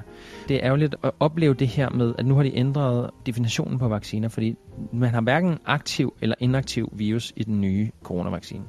Det er mRNA, som er en, en ting, der går ind og aktiverer en del af din egen DNA, som får din krop til at producere et spike-protein. Og det spike-protein skal så hæfte sig på coronavirusen, når du får den. Men hvis der ikke er nogen coronavirus at hæfte sig på, så bliver den bare ved at hæfte sig på alle mulige andre steder, og vi har set den give blodpropper og alt muligt andet. Men det er jo fordi, man har set, at den her samme spike-protein har været i en del af, at det mener man i hvert fald. Og vi lytter jo til, så godt vi kan, til de eksperter, der taler derude. Og ikke de eksperter, der kun er på fjernsyn. Nej tak øh, til dem. Fordi de støtter det narrativ, som har været. Og det kan jeg jo bare sige så mange gange, at jeg har så mange gange læst videnskab på, at det er totalt usandt, det de siger. Så det er mit formål med at sige de her ting, det er, de har ændret definitionen på, på, hvad en vaccine er. Det er jo ikke det, en vaccinedefinition var før i tiden. Det var, at man sprøjtede en del af en virus ind. Nu er det ikke længere det, man gør. Nu manipulerer man dit DNA til at producere et stof, som påvirker din krop. Både negativt, øh, øh, altså faktisk ikke både negativt og positivt, faktisk kun negativt, fordi den er med til at ødelægge dit immunforsvar. Og, og så taler man også om, at øh, man har ændret definitionen på en pandemi. Så nu er en pandemi ikke sådan en, hvor folk dør i den hele tiden. Det kan bare være, hvis de synes, at der skal være en pandemi, mere eller mindre, hvis man går ind og læser på det, så er det mere eller mindre bare politikerne, der skal beslutte, at der er en pandemi, også selvom der er nul døde. Om du så alle har en forkølelse, så kan de sige, at det er en pandemi, vi bliver nødt til at lukke landet ned. Altså det der med, de hele tiden ændrer reglerne, de har også sagt, et godt velfungerende immunforsvar findes ikke, medmindre man får vacciner hele tiden. Det er jo også et sindssygt ting at sige, fordi vi ved, at vi har levet i over 200.000 år, hvad vi ved af, altså ud fra hvad det jeg har læst på, og, og den, de ting, og Mal, du har selvfølgelig en anden oplevelse måske. Men i flere millioner år har vi vidst, at der eksisterede væsener og dyr i, i verden her. Og vi ved, at de alle sammen har et immunforsvar, ellers kan du ikke leve, så vil du dø ved den første snifnuk, der lagde sig på næsen, hvor der var en anden bakterie eller virus, eller energi, eller hvad nu man vil kalde det, i øh, tingene, så vil du bare dø med det samme, for du har ikke noget immunforsvar. Du har ikke noget at stå imod med. Og vores immunforsvar er noget, der skal holdes ved lige, og man skal være syg en gang imellem for at lave antistof, så man ikke bliver syg igen. Det gør os alt sammen stærkere. Og ikke nok med det, så ved kroppen også, ej, okay, nu har jeg fået en virus. Nu ved jeg, hvordan virus og cirka reagerer. Så når der kommer en virus næste gang, så vil jeg gøre de her de ting. Og så er der en gang imellem en virus, der ikke ligner den anden. Men for det meste, så ligner vi hinanden. Og så på den måde, så ved kroppen, hvordan den skal reagere. Og det har man simpelthen fjernet fra folks bevidsthed nu igennem medierne. Og det synes jeg er vildt skræmmende at tænke på. At de blander det sammen med løgne. Så for at komme tilbage til dig, Amalie. De er det som om, de, altså, de sprøjter løgne ind mellem sandheden. Så vi ikke længere kan genkende, hvornår noget er sandhed og hvornår er løgn, som forvirrer vores system så meget, at vi mange gange ikke kan finde Gud i det, hvis man kan sige det sådan. Giver det mening? Mm. Vi kan ikke mærke, hvad der er sandt mere. Det var du også lidt inde på. Ja, ja men det, det er jeg meget enig med dig i, fordi hvis der var en løgn, som var baseret på 100% løgn, øh, ondskab, noget, ikke noget, der havde noget som helst med virkeligheden at gøre, så ville mange flere mennesker jo afsløre den løgn for at være en løgn. Så derfor så tror jeg, at det er en af satans bedste redskaber også til at få folk til at hoppe med på hans løgne. Det er simpelthen det her med at blande, blande noget sandhed ind i det. Og det var også det, jeg mente, øhm, mm. da jeg sagde, at alle de her nye spirituelle filosofier, de kan lyde meget gode, og de kan måske også gøre noget godt for nogen i, i en eller anden øhm, udstrækning, øh, på overfladen i hvert fald. Men det ændrer ikke på, at rødderne på de bevægelser og de filosofier, de, de stammer i en, en, en rebelsk ånd mod Gud, som, som Satan har introduceret, og dem, som har gjort de her teorier populære i, i de moderne tider, hvis man kan sige det sådan, det har været nogle mennesker, som har været dybt sataniske. Altså founder of the Church of Satan, han, han siger for eksempel selv, at, at de her New Age ting, som, som meditation og tarotkort og alt det her, det, det er bare en gren af satanisme, hvor folk, de, de bla, så siger de der øh, white magic og black magic, men come on, det er jo alt sammen det samme alligevel i sidste ende, siger, siger han selv. Og det er også der, hvor at jeg synes, det er rigtig farligt at se verden som det her spektrum og af uendelige muligheder, fordi hvis der nu kun er godt og ondt, og, og ondt bare får en masse flere platform at stå på, så kan det være rigtig forvirrende for folk øhm, at følge, mm. finde ud af, hvad der, hvad der så er sandt, og når man kan se, at, at organisationer som FN, som jeg tror godt, vi kan blive enige om, er onde, at de også har, har haft et, et spirituelt ståsted og har en spirituel agenda, hvis man graver lidt i det, som netop lyder god på overfladen. Ah, Jamen, der er, mm, der er enhed, og der er good vibes og alt det her. Men de mennesker, som har inspireret det, det er de her øh, okkultister, som, som direkte siger, at vi mennesker er guder, og, og Gud er, er en tyran, og de her ting, som jeg jo mener er, er, er i essensen dybt sataniske, men der er selvfølgelig mange, mange lag i det, og der vil nok være nogle mennesker, der siger, det tror jeg ikke på, men, men jeg tror alligevel på, at, at yoga eller meditation er noget godt for mig. Og til det bliver jeg jo nødt til at være ærlig og sige, at, at det handler ikke om, hvad der er godt for dig lige nu, det handler om, hvad der er sandt og hvad der er falsk, og jeg vil absolut ikke anbefale, at man leger med, med alle de her okulte filosofier, fordi det er satans legeplads, hvor han får lov til at, at bedrage folk til at tro, at de er i en eller anden ud, en eller anden udstrækning i forbindelse med noget spirituelt, der hjælper dem, men i virkeligheden så er det det modsatte af den spirituelle retning, som, som Gud han, han ønsker, vi skal være i. Og det siger jeg med al kærlighed. Det er ikke, fordi jeg har behov for at, at vinde en eller anden debat, eller, eller nedgøre dig eller nogen andre. Mm. Det er simpelthen bare, fordi jeg kan se, hvor, hvor populære de her for eksempel tarotkort og astrologi og sådan noget er blevet i løbet af de sidste årtier, men specielt jo her på det sidste. Jeg så for eksempel, McDonald's gav gratis uh, tarotkortlæsninger i en eller anden kampagne, hvor, hvor man tænker, okay, vildt nok, det var aldrig sket med, du ved, bibellektioner, hvor jeg kan bare så tydeligt se, at der er en agenda bag alt det her, og man kan kalde det mange ting, og man kan sige, at der er mange ja. grene inden for det, men for mig, der er der kun to sider. Det rigtige og det forkerte, ikke? Jo, man kan sige, på, på mange måder, det, det har jeg ikke hørt, det der med McDonald's, det, det var godt nok sindssygt. Øh, for vi ved jo helt, helt fuldt og fast, alle der har researchet McDonald's bare en lille smule, ja, der er nogle reelle okay, nogenlunde mellem gode, måske endda gode, det skal jeg ikke kunne udtale mig om, råvarer i noget af det. Men i størstedelen af tiden, så handler det om at, at få, få folk til at være afhængige af noget. Og det der, hvis man nogensinde har set Super Size Me-filmen, så dokumentaren, som handler om, at, at de har en helt koncept, som er fundet på, at hvis du får en halv dollar mere, kan få en stor cola, så skal du hellere gøre det. Så får de hele tiden, altså det er mere salg. Det er om at, det er jo grådighed på, på et andet niveau, ikke? Men det er jo sindssygt altså, at tænke på, at det det, der foregår. Og jeg kan også bare se, det du lige sagde der, og resonerer også i mig, at der er, man bliver lukket i enormt mange ting. Altså min oplevelse er, ja, tarotkort kan bruges til at lave sort magi, og det kan være satanistisk, og vi ved for eksempel ånden i glasset. Jeg er selv blevet meget, meget syg at spille ånden i glasset, for det ikke skal være løgn. Øh, jeg vidste ikke, jeg var ung og naiv. Øh, kan man tiltrække ting, som man slet ikke ved, hvordan man håndterer? Så når man leger rundt med de her ting, så handler det om, at man faktisk ved, at man arbejder med en form for magi, som kan påvirke dig negativt, såvel som også positivt, hvis du forstår at bruge det.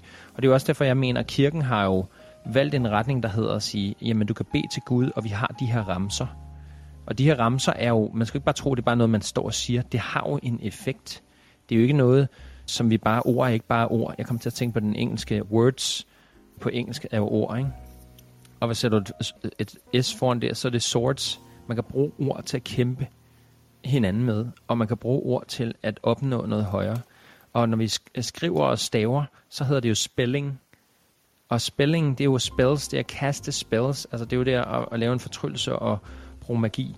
Og det er noget, vi har set i Ancient Times masser af gange, også afbildet i alle mulige øh, historier diverse steder. Mm. Så det, det er noget, altså jeg synes også, man skal have enormt meget respekt for det. Det siger jeg som en spirituel menneske. Jeg bruger tarotkort i mit, i mit virke, når jeg kan mærke, at, at der, er en, der er en grund til det. Jeg bruger øh, røgelse, som man også gør i kirke, men det gør jeg også som praksis af bruge sage, eller jeg kan ikke huske det danske ord for det. Så de her ting bruger jeg også. De har altså en enorm styrke, men man skal være omkring det med en enorm respekt, og jeg vil ikke sige en nødvendigvis en ydmyghed, fordi det kan godt lyde som om, at man bliver underdanig.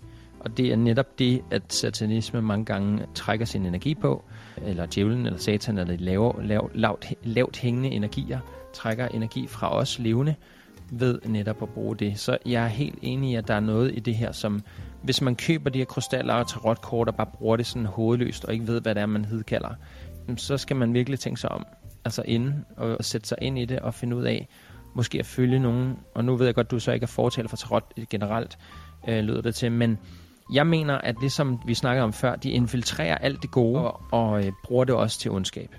Fordi de ved, hvor meget vi kan, hvis de kan påvirke og manipulere os til det. Jeg mener, at som udgangspunkt er tarot, hvis man kigger på dens historie, så er det egentlig brugt som spillekort, og senere hen blev udviklet til, at man kunne bruge dem som forudsigelser. Men der er folk, der kaster grus og laver forudsigelser. Der er folk, der øh, læser himlen, eller læser folks hænder, eller folk kigger i Bibelen og tolker, for eksempel. Ligesom du projicerer for eksempel noget af det, der sker i nutiden over på det, der står i Bibelen. Ikke? Altså, vi finder alt sammen svaret i en masse forskellige ting hele tiden. Øh, man skal bare vide, at den menneskelige psykologi vil altid prøve at lede efter svaret i rigtig mange ting. Det er jo også derfor, jeg ser mange konspirationsteoretikere derude, som jeg jo også selv nogle gange bliver dømt for at være. Det må folk jo det må stå for deres egen regning, hvad de synes, jeg er. Men øh, jeg kan jo rigtig godt lide at researche tingene. Øh, og det er der også nogle andre, der gør. De researcher rigtig mange, og så finder de en masse billeder af kendte mennesker, der laver et eller andet håndtegn. Også men, mennesker, der ikke er kendte, men som er måske øh, mindre kendt. Og så er de bare dømt med det samme som er satanister. Og vi taler altså om et eller andet almen, at man tager sine fingre ind i, under skjorten, eller at man sætter fingerspidserne og tommelfingerspidserne sammen men har et mellemrum mellem, og så pludselig så bliver man dømt som, som satanist. Og jeg forstår godt, der er masser derude. Øh, satanisme handler meget om at, at vise, at man er det, og, og på en eller anden måde gøre det i det åbne. Men når folk så øh, konfronterer det, så griner af det og underspiller det og sådan nogle ting. Men min oplevelse af alle de her ting med det spirituelle, det er, at Altså, det er jo for netop, altså, jeg er jo ligesom står på den anden side, og det er jo ikke fordi, der, jeg vil faktisk sige, der er meget mere, der forener kristendom og spiritualitet for mig, end, end også bare med den snak med dig, Amalie. Der er meget mere, der, der forener de to ting, synes jeg, end der er ting, som skiller os ad. Fordi at, at lysten til det højere gode, og, og det guddommelige, og det smukke, og det kærlige, og sandheden, og alt sådan nogle ting, er den samme drivkraft, og det tror jeg, man må kunne finde i, i mange øh, ting, som folk tror på. Og det er også derfor, jeg tror på, at Gud eksisterer i mange former. Men man skal ikke lade sig snyde af satanismen, man skal ikke lade sig snyde af det guddommelige kommer ikke til at tilfredsstille vores hunger for mere ego-drevet lyster. Det tror jeg i hvert fald ikke på. Men altså på mange måder, så vil jeg så sige, at, at min oplevelse af det her er, man må godt være spirituel, og man kan godt være spirituel og leve et rent, kærligt liv, hvor at man har en bevidsthed om, at nogen kalder det Gud, nogen kalder det Jesus, og nogen kalder det noget helt andet. Men ideologien omkring det, det er jo det, der er svært, fordi det er så udefineret, det jeg siger lige nu. Men jeg vil sige, når man føler sig connected med Gud, så er man slet ikke i tvivl om det. Det kunne være, at, og det er jo derfor, man skal, jeg skal altid stille spørgsmål til mine egne overbevisninger. Det kan jo være, at satan føles så tryg, uden du ved det. Og det er derfor nogle gange, når folk finder et eller andet, ej, jeg får alt svarene i min tarotkort. Nej, du finder svarene i dig selv, men du bruger tarotkortene som et værktøj, men de skal endelig give dig svarene. Du skal ikke kigge på dem og sige, så skal jeg gøre det. Det tror jeg ikke på er sundt for nogen. Men du kan bruge dem som en del af din rejse. Om det så er, at du så ligesom Amalie vågner om et par år og siger, vent lidt, Jesus er det eneste rigtige for mig, og Gud er det eneste rigtige for mig. Det er din egen rejse, synes jeg. Men så længe at din, dit udgangspunkt og dit, dit formål med det ikke er at dyrke satanismen, dyrke egoet, dyrke ondskaben, og så kan det godt være, at sige, at det er ikke ondskab. Jeg synes bare, at jeg skal have mere, de skal have mindre, eller jeg er bedre end dem, fordi jeg tror på Gud, eller så synes jeg netop, at man selv bevæger sig over i noget, som, hvor man ikke kan bunde.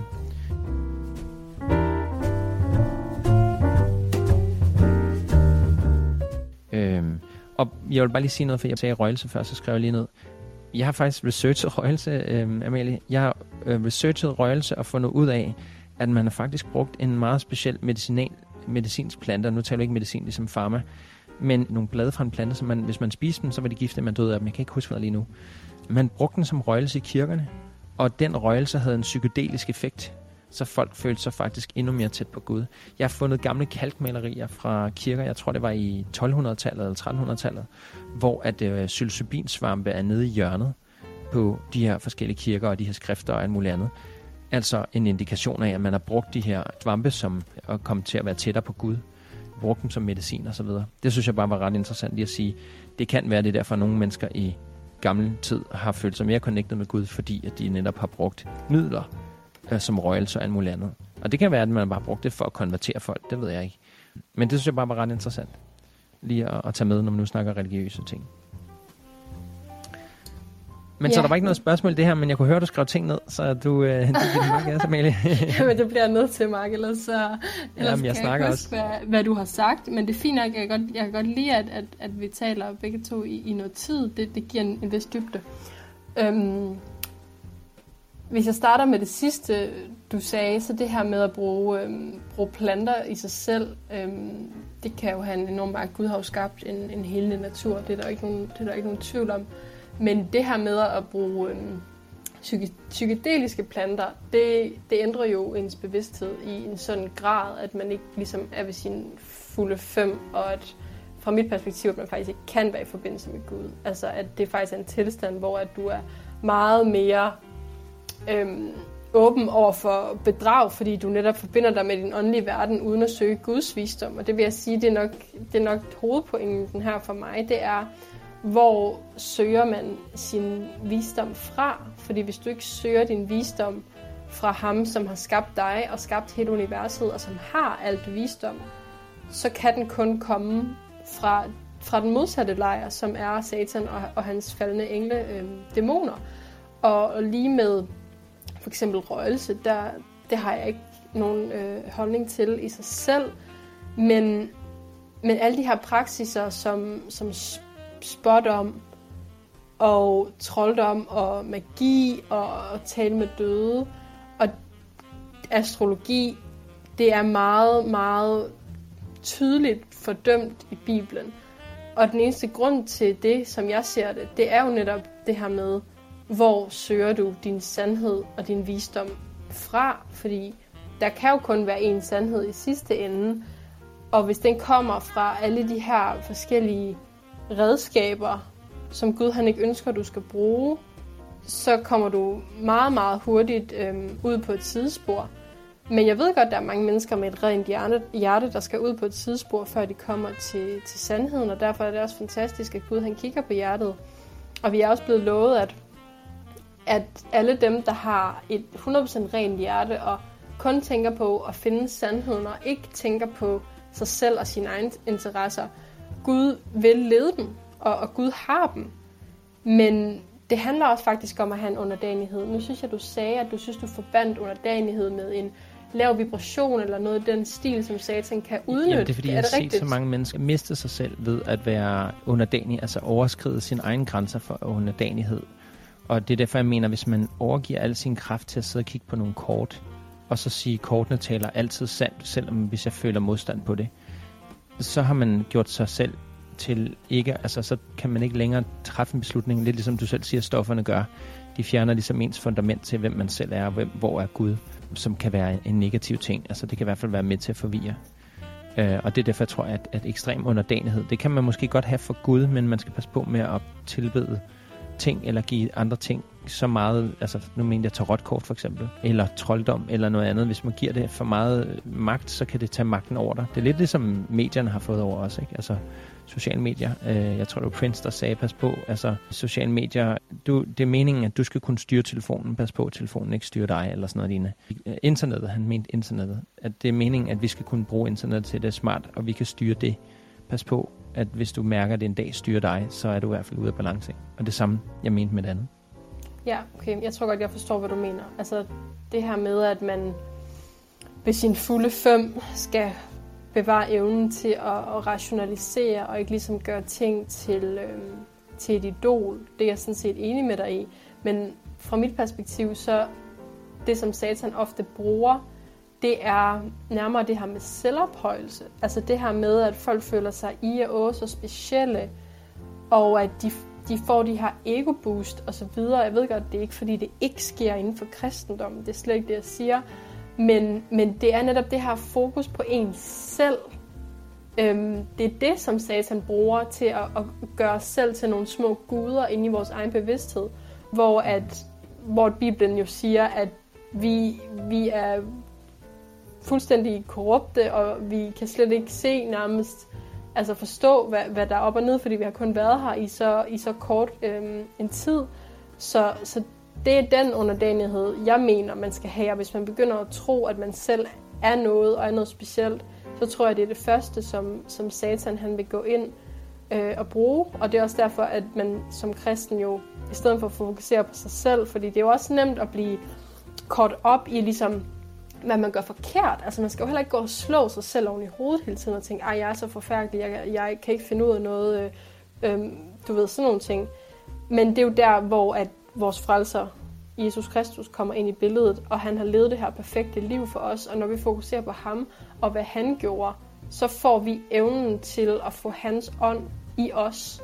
jeg ved, man kalder det for eksempel øh, Christ consciousness inden for, inden for nogle af de her New Age-miljøer, Ja. hvor jeg vil sige, at, at det kan man jo i en bibelsk forstand sige, at det er helligånden. Altså når du har den ånd, som, som Jesus havde, da han gik på jorden, og han var, han var så kærlig, og han var selvopoffrende. Det, det, er den, det er det højeste, du kan opnå som menneske. Det er, at Kristus lever igennem dig. Øhm, jeg vil så ikke mene, at, at der er andre former for bevidsthed, som på nogen måde kan, kan, kan måle sig med den, men at det er ligesom, at den bevidsthed, som du skal have, for at du kan komme i kontakt med Gud, og den kan du kun, den kan du kun få, hvis du faktisk korsfæster dig selv, ligesom Jesus gjorde. At Amalie og hendes idéer om, hvordan hun skal se ud, hvilken uddannelse hun skal have, hvad andre skal synes om hende, hvor mange penge hun skal have, alle de her ting, de bliver nødt til at, at, at dø. Øhm, fordi hvis jeg holder fast i det, så vil det stadigvæk kun være min egen plan, jeg følger. Så vil det aldrig være den, den fuldstændig rene Jesu ånd. Og ja, det betyder, at man som faktisk sand kristen skal leve et, et ret radikalt anderledes liv, men det, det ser jeg umiddelbart heller ikke nogle store problemer med i forhold til, hvordan de fleste lever øhm, nu her. Mm-hmm. Ja, jeg ved ikke, om der var et rød tråd i det, jeg lige sagde, men det var i hvert fald der, som, som det lige bragte mig hen. Det er også spændende. Altså, noget som jeg, du sagde jo også det der, altså, der er mange af de ting, jeg praktiserer, som du netop siger, at øh, Bibelen øh, har meget øh, modstand på. Og, øh, og jeg har tit tænkt over det der, hvorfor har Bibelen så travlt med at dømme hele tiden?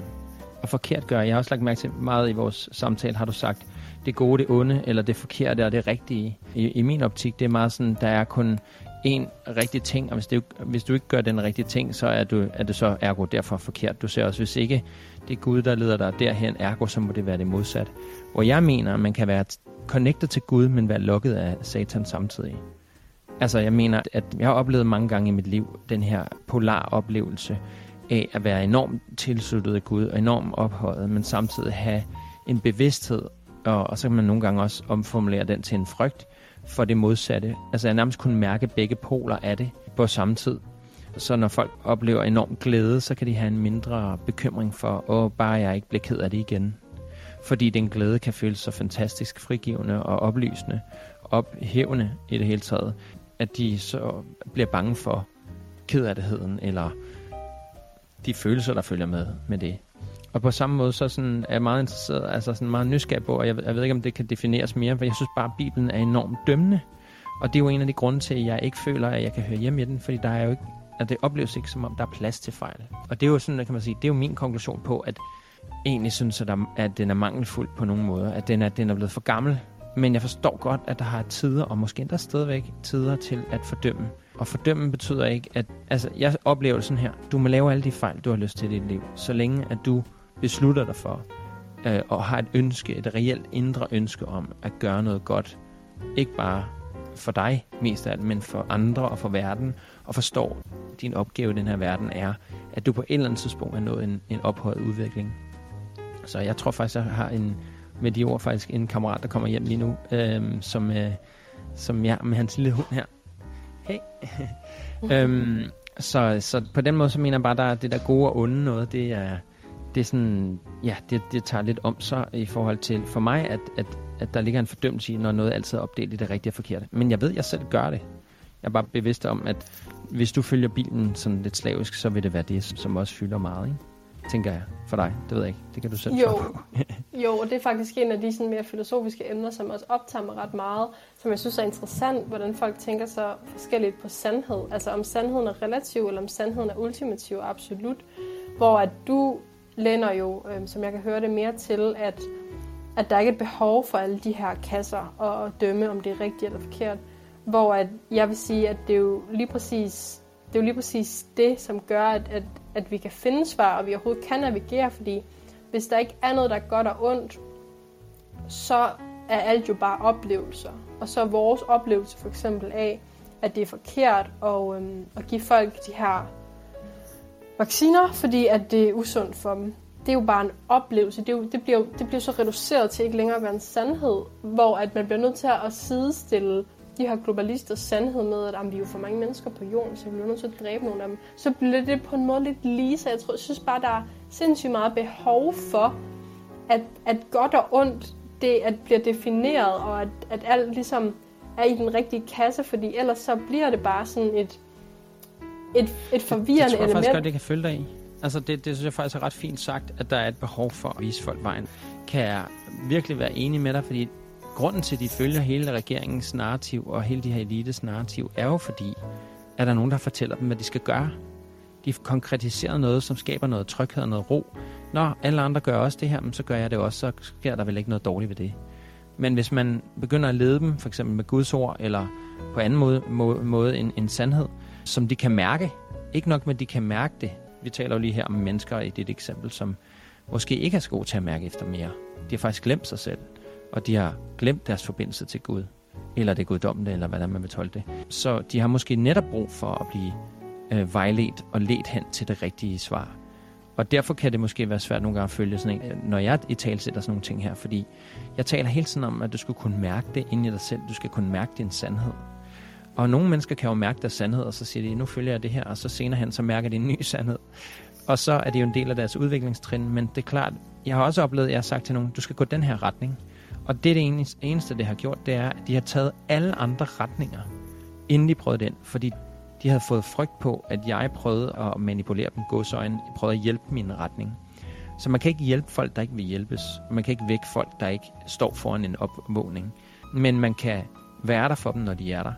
Og det kan man jo så være på den måde, som du siger, hvis nu man er mere konkret i sin vejledning hvis nu man er bedre til at lede folk, jamen så, så vil man faktisk kunne konkretisere det på en måde, så selv den mest sovende person lige pludselig begynder at, høre efter, ikke? eller prøve det. Og det er derfor, jeg også tror, at folk de ligesom prøver de her tarotkort. Det er fordi, de har set andre gøre det, og de bruger det aktivt på en god måde, så tænker de, ah, her er noget helt konkret, jeg kan gøre.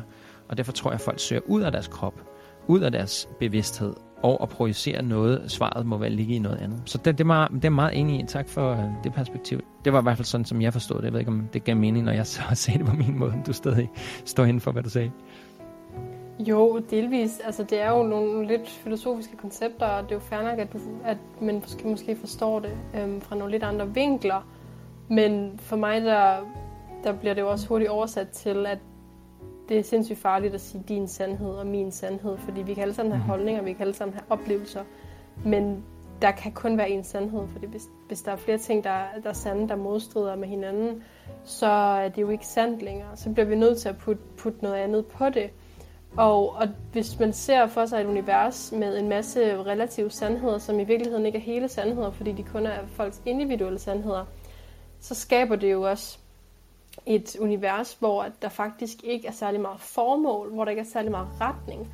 Og så er det der, hvor det, bliver, det hele bliver meget tilfældigt og meget sådan nihilistisk, vil jeg næsten sige, fordi så betyder det jo ikke noget, hvad jeg gør, så, så er det jo alt sammen, så er det jo alt sammen bare relativt. Øhm, og det mener jeg er meget modsat, hvem Gud er. Øhm, at Gud han er meget principfast med at ville det gode og det rigtige øh, konsekvens konsekvent, selvom at det selvfølgelig ikke er det eneste, der er her på jorden. Øhm, Jamen, der tror jeg, ja, der vil jeg bare lige klargøre, at den måde, jeg siger sådan, at, at du, du har din egen vej og din egen sandhed, det er defineret på den måde, at du kan hele tiden ved, at du får den her smerte, når du går forkert.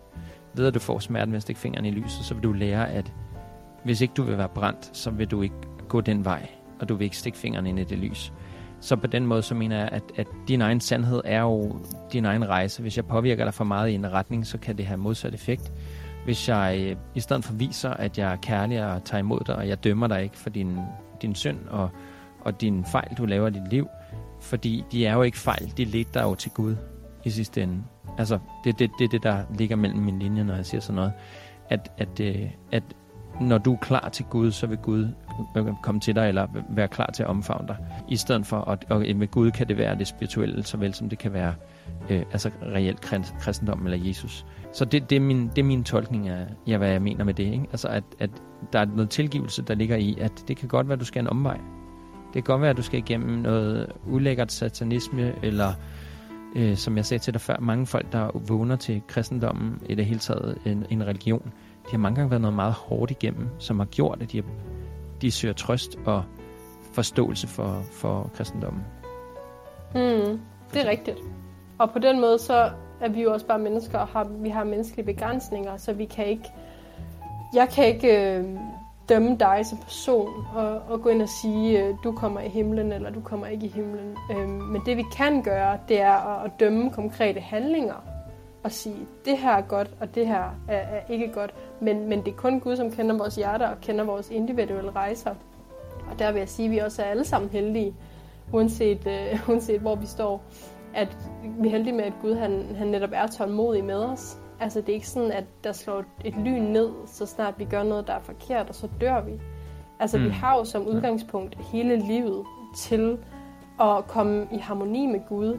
Men grund til, at jeg så også taler lidt højere og med lidt større bogstaver måske i de her tider, end, end jeg normalt ville have gjort, det er jo fordi, at, at mås- måske er det snart slut for os alle sammen, mener jeg. Altså, jeg er personligt blevet meget mere alvorlig omkring de her ting, fordi jeg kan se, at tiden er ved at, er ved at løbe ud for mange mennesker. Øhm, men derfor betyder det ikke, at der ikke er en masse mennesker, der sagtens kan nå at vende om endnu. Selvfølgelig kan det det. Der står også i Bibelen, at det er dem, som har fået tilgivet mest af Gud, som kommer til at stå tættest på ham, ja, fordi ja. at de forstår, hvor kærlig han egentlig er. Og, øhm, og det kan det nogen, så... kan blive triggered, triggered af, fordi en mor, der kan blive tilgivet og komme i himlen, ikke? Men, men selvfølgelig, Ja, fordi så igen, det. så er der en, en rangforståelse, som jo hele tiden er det, jeg har modstand på med, med Bibelen. Altså når der er en rangforståelse for, at Nå, men hvis du gør det rigtig godt øh, længe nok, ikke? Altså, det, er jo, det har man jo set i årtier. Den ene præst skal være bedre end den anden præst, og han bærer så så meget, og så, så går der konkurrence og ego i den. Ikke? Så, så det er derfor, det, det vil også trigge mig at sige, okay, jamen, øh, hvis du er god nok ved Gud, så vil du også stå tættere på ham.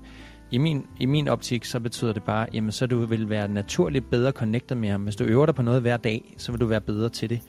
Og det betyder ikke, at Gud vil have dig bedre. Det betyder bare, at du forstår ham bedre. Du forstår budskabet, og du forstår, hvordan du kan hjælpe andre bedre ved. Altså, det er jo, sådan, det er jo derfor, jeg hele tiden tænker, det er ikke sådan, det er ment. Det kan umuligt være så egoistisk ment, når det er Guds ord.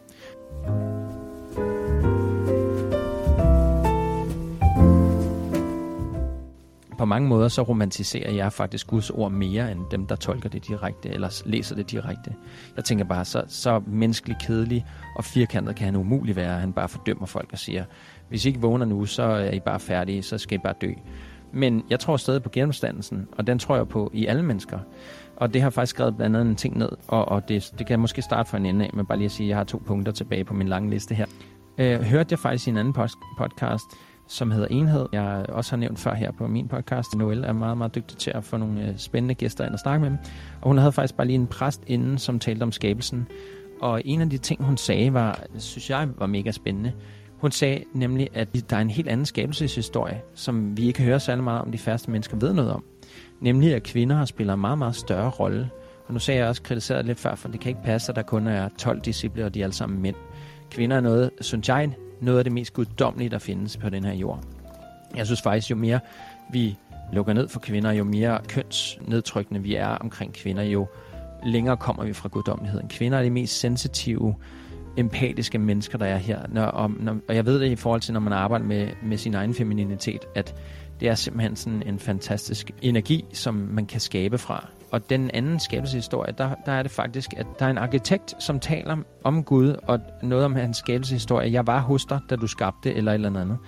Og dykker man ned i den, så finder man ud af faktisk, at der er en, der hedder Sofia, som vidner, ikke nok med hun vidner til Guds skabelse, men hun er faktisk arkitekt på den skabelseshistorie. Det synes jeg er ret interessant at nævne, fordi at den skabelseshistorie, som vi har øh, hører om, det lyder som om Gud, Gud gør det hele, men faktisk er han medledt af en kvinde, og det er måske endda bevidst taget ud af den skabelseshistorie, eller måske øh, bevidst plantet der. Det tror jeg nu ikke i forhold til, at vi kigger på historien, der handler det altid om at sørge for at dulme alle kvinder, så de ikke har nogen magt. Og det er også derfor, jeg mener, der ligger enormt meget guddommelighed i kvinder, som der slet ikke nævnes særligt.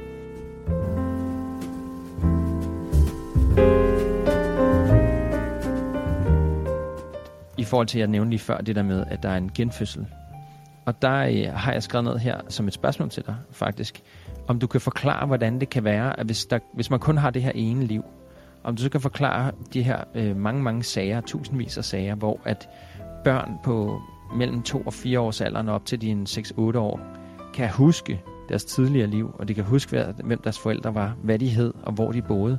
Og så har man researchet, der er en helt dokumentar, der faktisk går ud på at, at, at følge efter de her børn og finde ud af, hvad er det egentlig, der sker, og hvad er det for nogle historier.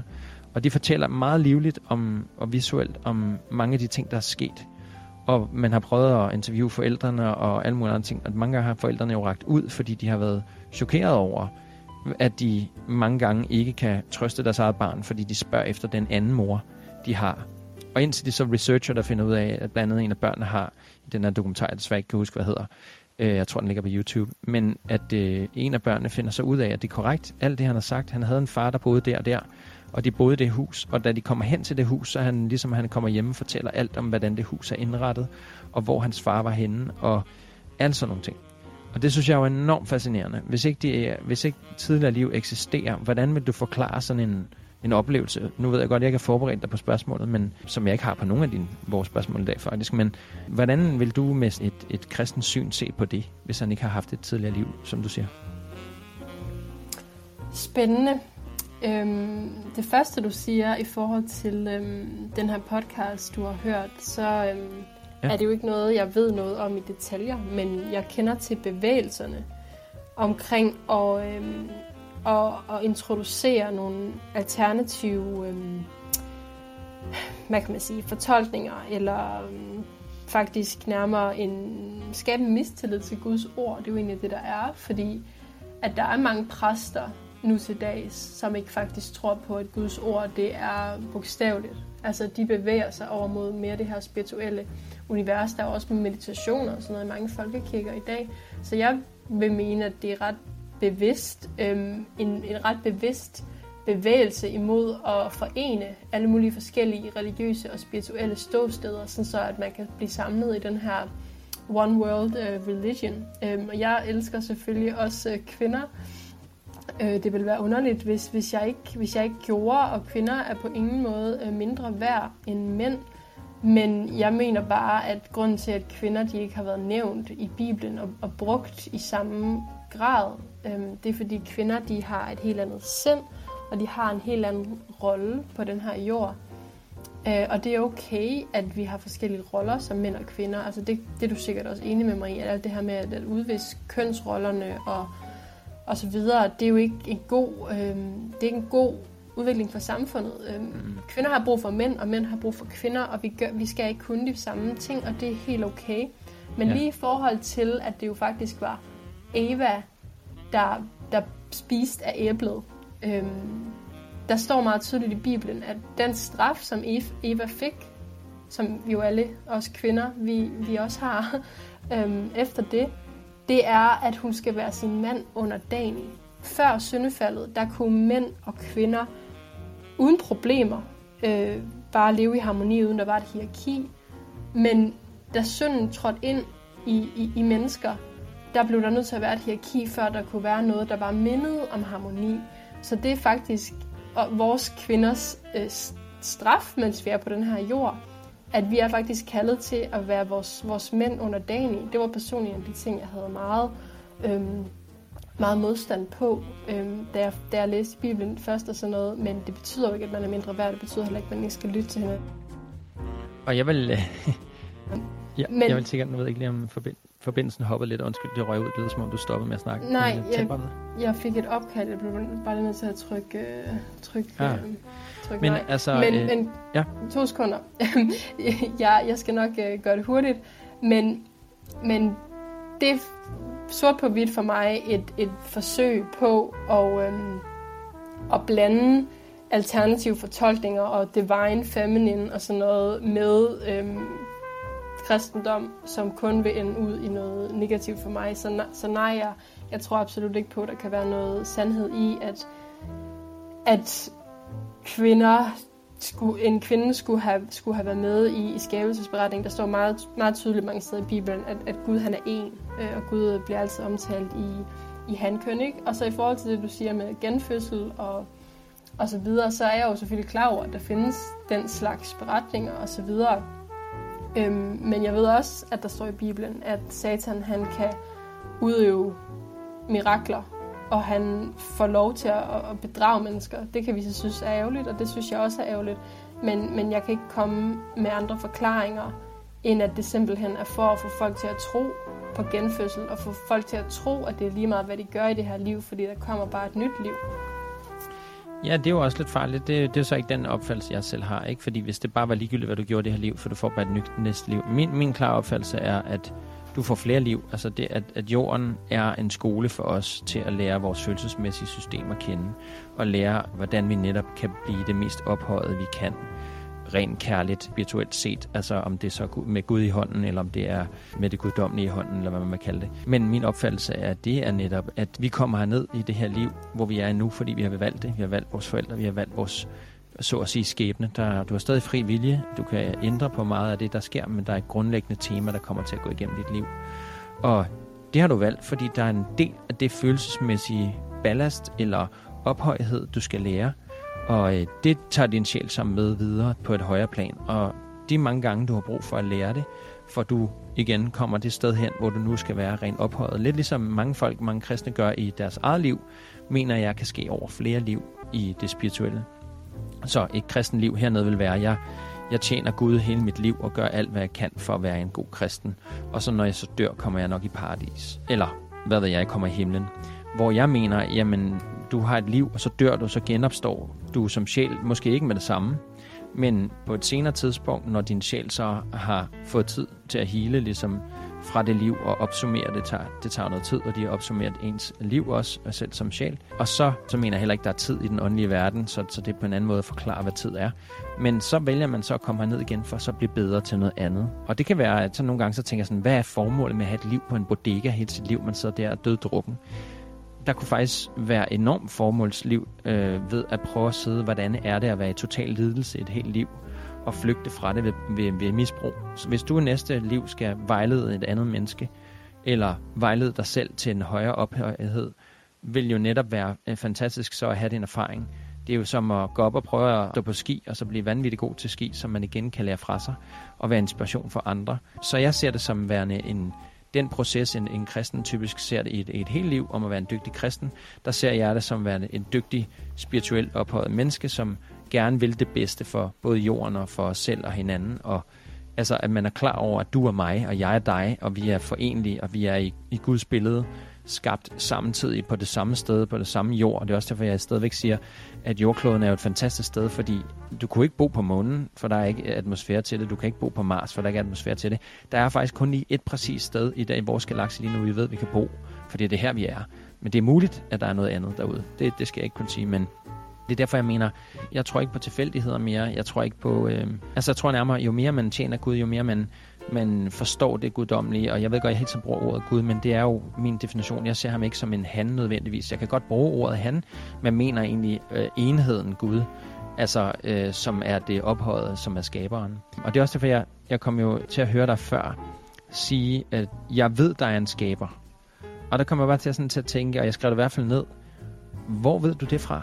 Altså når du siger ved, fordi ved plejer vi mange gange i vores verden at sige, det er jo fakta, det er data, det er noget du, altså du har set ham, han har sagt, se her, øh, nu får jeg den her øh, Bibelen plantet i din hånd, mens du sover, selvom den lå i en skuffe i den anden stue, eller øh, stod han pludselig foran dig, da du var ved at dø, eller hvor ved du fra, at der er en skaber, når du siger, jeg ved?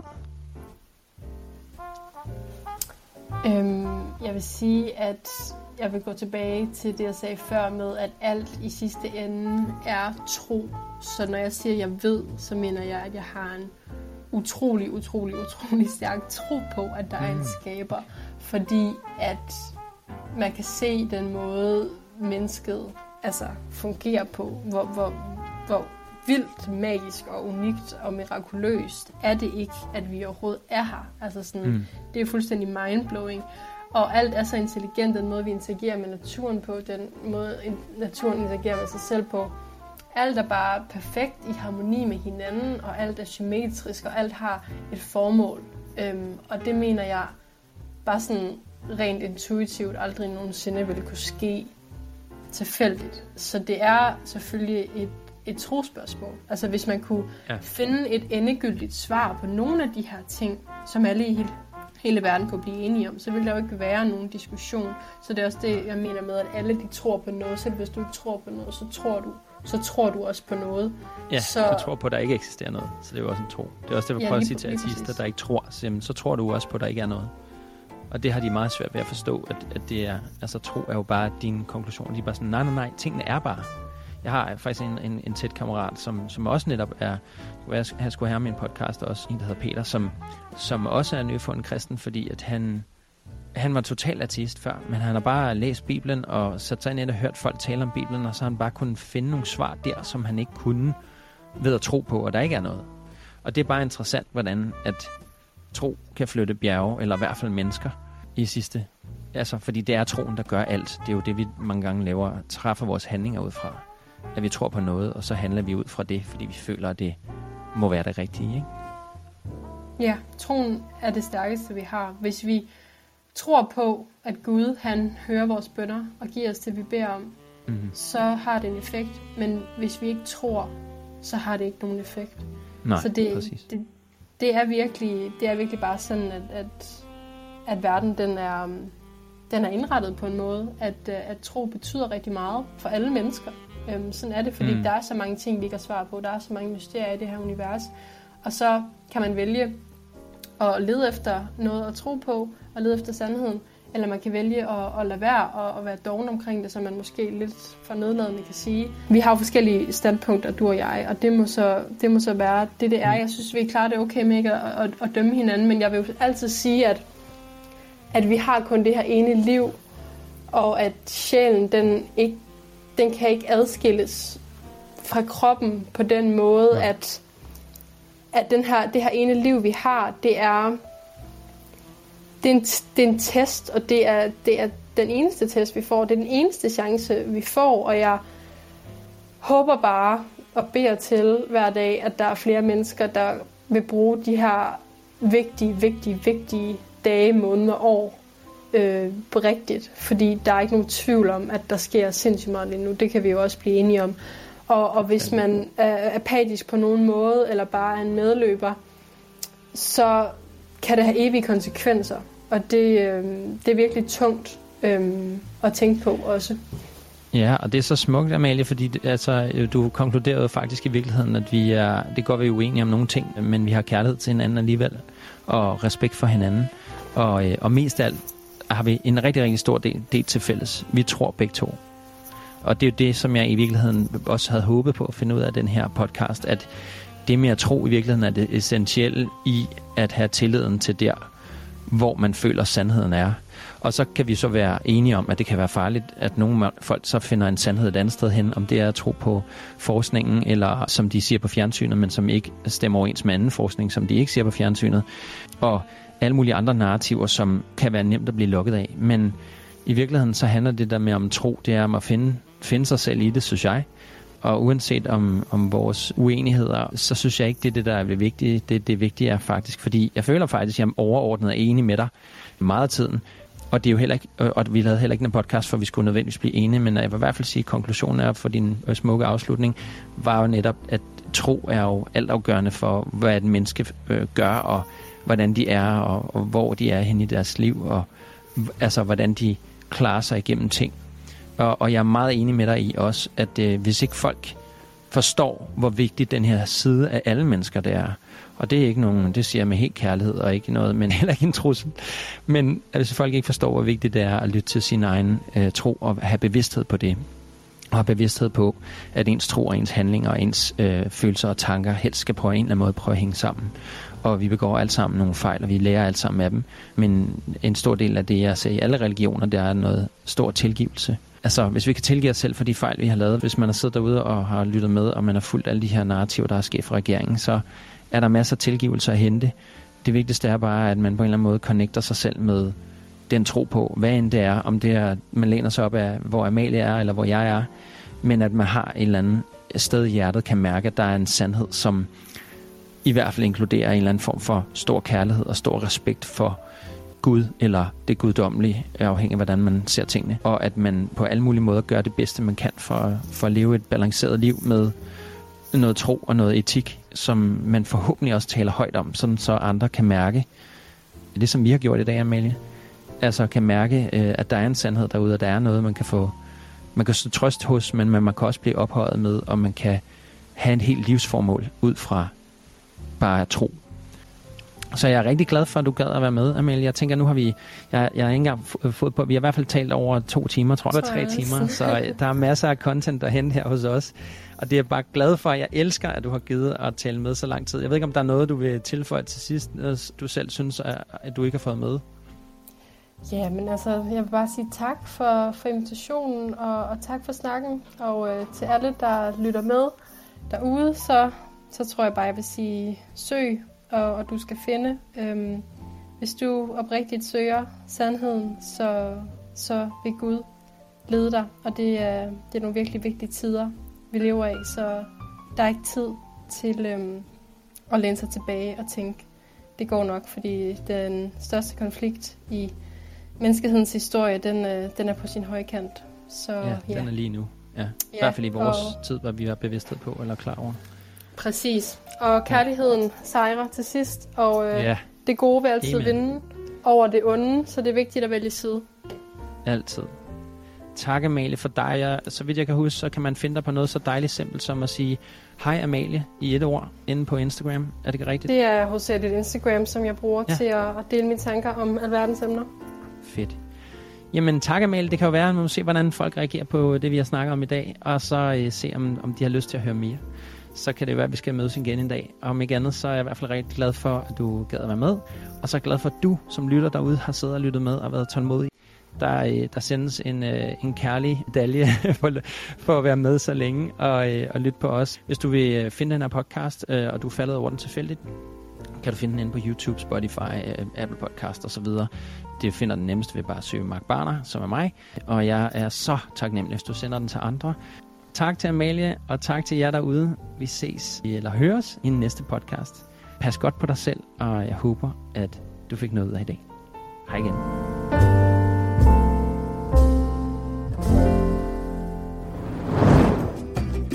Sponsoreret af macgeni.dk din Mac og PC-ekspert.